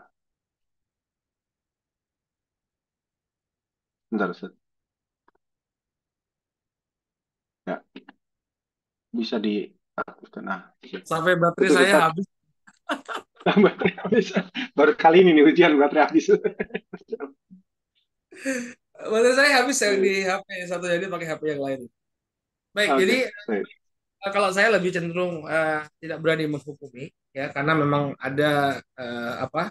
Ya mungkin eh, brother tadi ya dia punya pandangan dan dia juga pernah baca fatwa para ulama tentang masalah keluarnya wanita untuk berjihad yaitu pandangan dia tapi eh, kalau saya pengen mengkaji lebih dalam lagi karena kita dapati bagian para salaf itu ya sahabat perempuan ada juga yang mereka ikut serta dalam eh, jihad fisabilillah ya bahkan eh, Ummu Sulaim sendiri ya. Ummu Sulaim sendiri itu kan pernah bawa khonjar pernah bawa khonjar di kisahnya Ummu Sulaim. Kakaknya eh, siapa tadi? Eh, yang yang di yang di Cyprus itu jadi Ya. ada eh, Ummu Sulaim sama Ummu Haram Ummu Haram itu yang makamnya di Cyprus ya Di Cyprus. dan Ummu Sulaim itu kakaknya ibunya Anas Rumah Nah, saat dia saat dia kan nikah sama Abu Thalha Al Ansori, nah itu eh, Abu Thalha itu laporan sama Rasulullah itu dalam sebuah jihad dikatakan ini Ummu Sulaim bawa khonjar wahai Rasulullah. Khonjar itu bad- apa belati yang di dada itu loh, yang orang-orang Arab sering Hmm. pakai itu. Maka Ya. kemudian Nabi bertanya, buat apa itu wahai Ummu Sulaim? Ini Kalau ada musuh yang dekat-dekat mau saya tikam perutnya kata. Karena berjihad ya, berjihad ya. Sehingga eh, dalil itu jangan diambil satu saja, tapi harus dikumpulkan. Jadi sehingga eh, kita bisa melihat korelasinya. Kok seolah bertentangan Ya, kata Nabi ke Aisyah, jihadnya perempuan itu adalah haji, tapi kok Nabi nggak mengingkari ketika Ummu Sulaim bawa pisau itu ya. Berarti bagaimana? Berarti kan ada kondisi-kondisi tertentu ya. Mungkin it's okay for women to go out and make jihad gitu Hmm. itu tadi perlu ada eh, penjelasan para ulama. Intinya nggak nggak usah perlu terlalu banyak eh, apa istilahnya ribut-ribut lah di medsos, beri dukungan kepada kaum muslimin, antum bisa doa-doa, antum bisa kirim dana kemanusiaan dana kemanusiaan, suarakan dukungan kita kepada eh, saudara kita di medsos itu dukungan saja, dukungan ya. Intinya simpati kita kita bersama dengan Palestina ya kemudian eh, kita ungkap sejarahnya orang-orang Yahudi ini bagaimana mereka ke sana ya dan spanduk seperti itu minta perlindungan dan lain sebagainya nah itu yang perlu kita lakukan saat ini saya. Betul. Ya. Jadi banyak banyak cara dengan untuk me- me- menunjukkan dukungan kita kepada Palestina, saudara-saudara kita di Palestina. ya, Ustaz. betul ya betul dan Tidak. saling menghormati Oke. Kalau misalnya yang yang memilih untuk uh, demo misalnya dia berpegang dengan ucapannya Syekh Utsaimin tadi, oke okay, gitu loh. Uh, that's your hmm. choice. Ya. Tapi kami menganggap uh, perjuangan kami uh, selain demo. Oke, okay. makanya itu yang perlu kita uh, kembangkan di tengah-tengah kaum muslimin, kaum muslimin ya, ya uh, saling menghormati dan tidak saling mencerca ya selama kita punya uh, dalil, kita punya basic, ya, itu yang dihidupkan oleh Nabi SAW zaman dahulu. Ya, beliau tidak mencela ketika ada perbedaan di antara para sahabat dalam uh, memahami perintah beliau. Beliau diam-diam diam saja, enggak kemudian mengatakan oh, kamu salah, oh, kamu benar, enggak. Kita ya hmm. sudah. Kita menghormati uh, keputusan yang diambil masing-masing. Dan yang pertama kita satu sebenarnya. Kita satu ingin menolong saudara kita di Palestina. Cuma mungkin uh, caranya kamu seperti ini caranya aku seperti ini. Allah taala ya. Baik Ustaz Walaupun ada pertanyaan lagi, tapi udah 19.36 nih, Ustaz. Jam, eh, 21.36. Saya besok pagi harus bangun pagi-pagi karena kajian iya. uh, ada subuh. Betul. Jadi harus istirahat dulu nih biar. Uh, nanti ada Baik. lagi ya, nanti uh, admin Fabiola bilang akan ketemu lagi kita ya di pekan depan atau kapan gitu ya. Gampang lah di jadwal lagi lah. Ya. Pak Fikum Jadi baik Ustaz, eh, saya saya saya samarikan bahwa insya Allah nanti kita akan bertemu kembali. Untuk kajian mungkin kita sambung lagi kajian Baitul Maqdis ini lebih dalam lagi dan mungkin tadi ya fatwa-fatwa yang yang bisa kita cari ya Ustaz insya Allah supaya ya. lebih jelas perjuangan-perjuangan kita. Baik Ustaz saya kira karena waktu sudah cukup malam saya, saya kita tutup dengan Faratul Majlis. Kalau mau bihamdika asyhadu an la ilaha illa anta astaghfiruka wa atubu ilaik dari saya, dari pengat, dari pengurus, kita mohon maaf jika ada kesalahan dalam sikap maupun perkataan. Mohon maaf. Uh, insya Allah kita bertemu kembali. Barakallahu fikum. Jazakallah khairan Ustaz atas waktu dan ilmunya. Mohon maaf lahir batin Ustaz.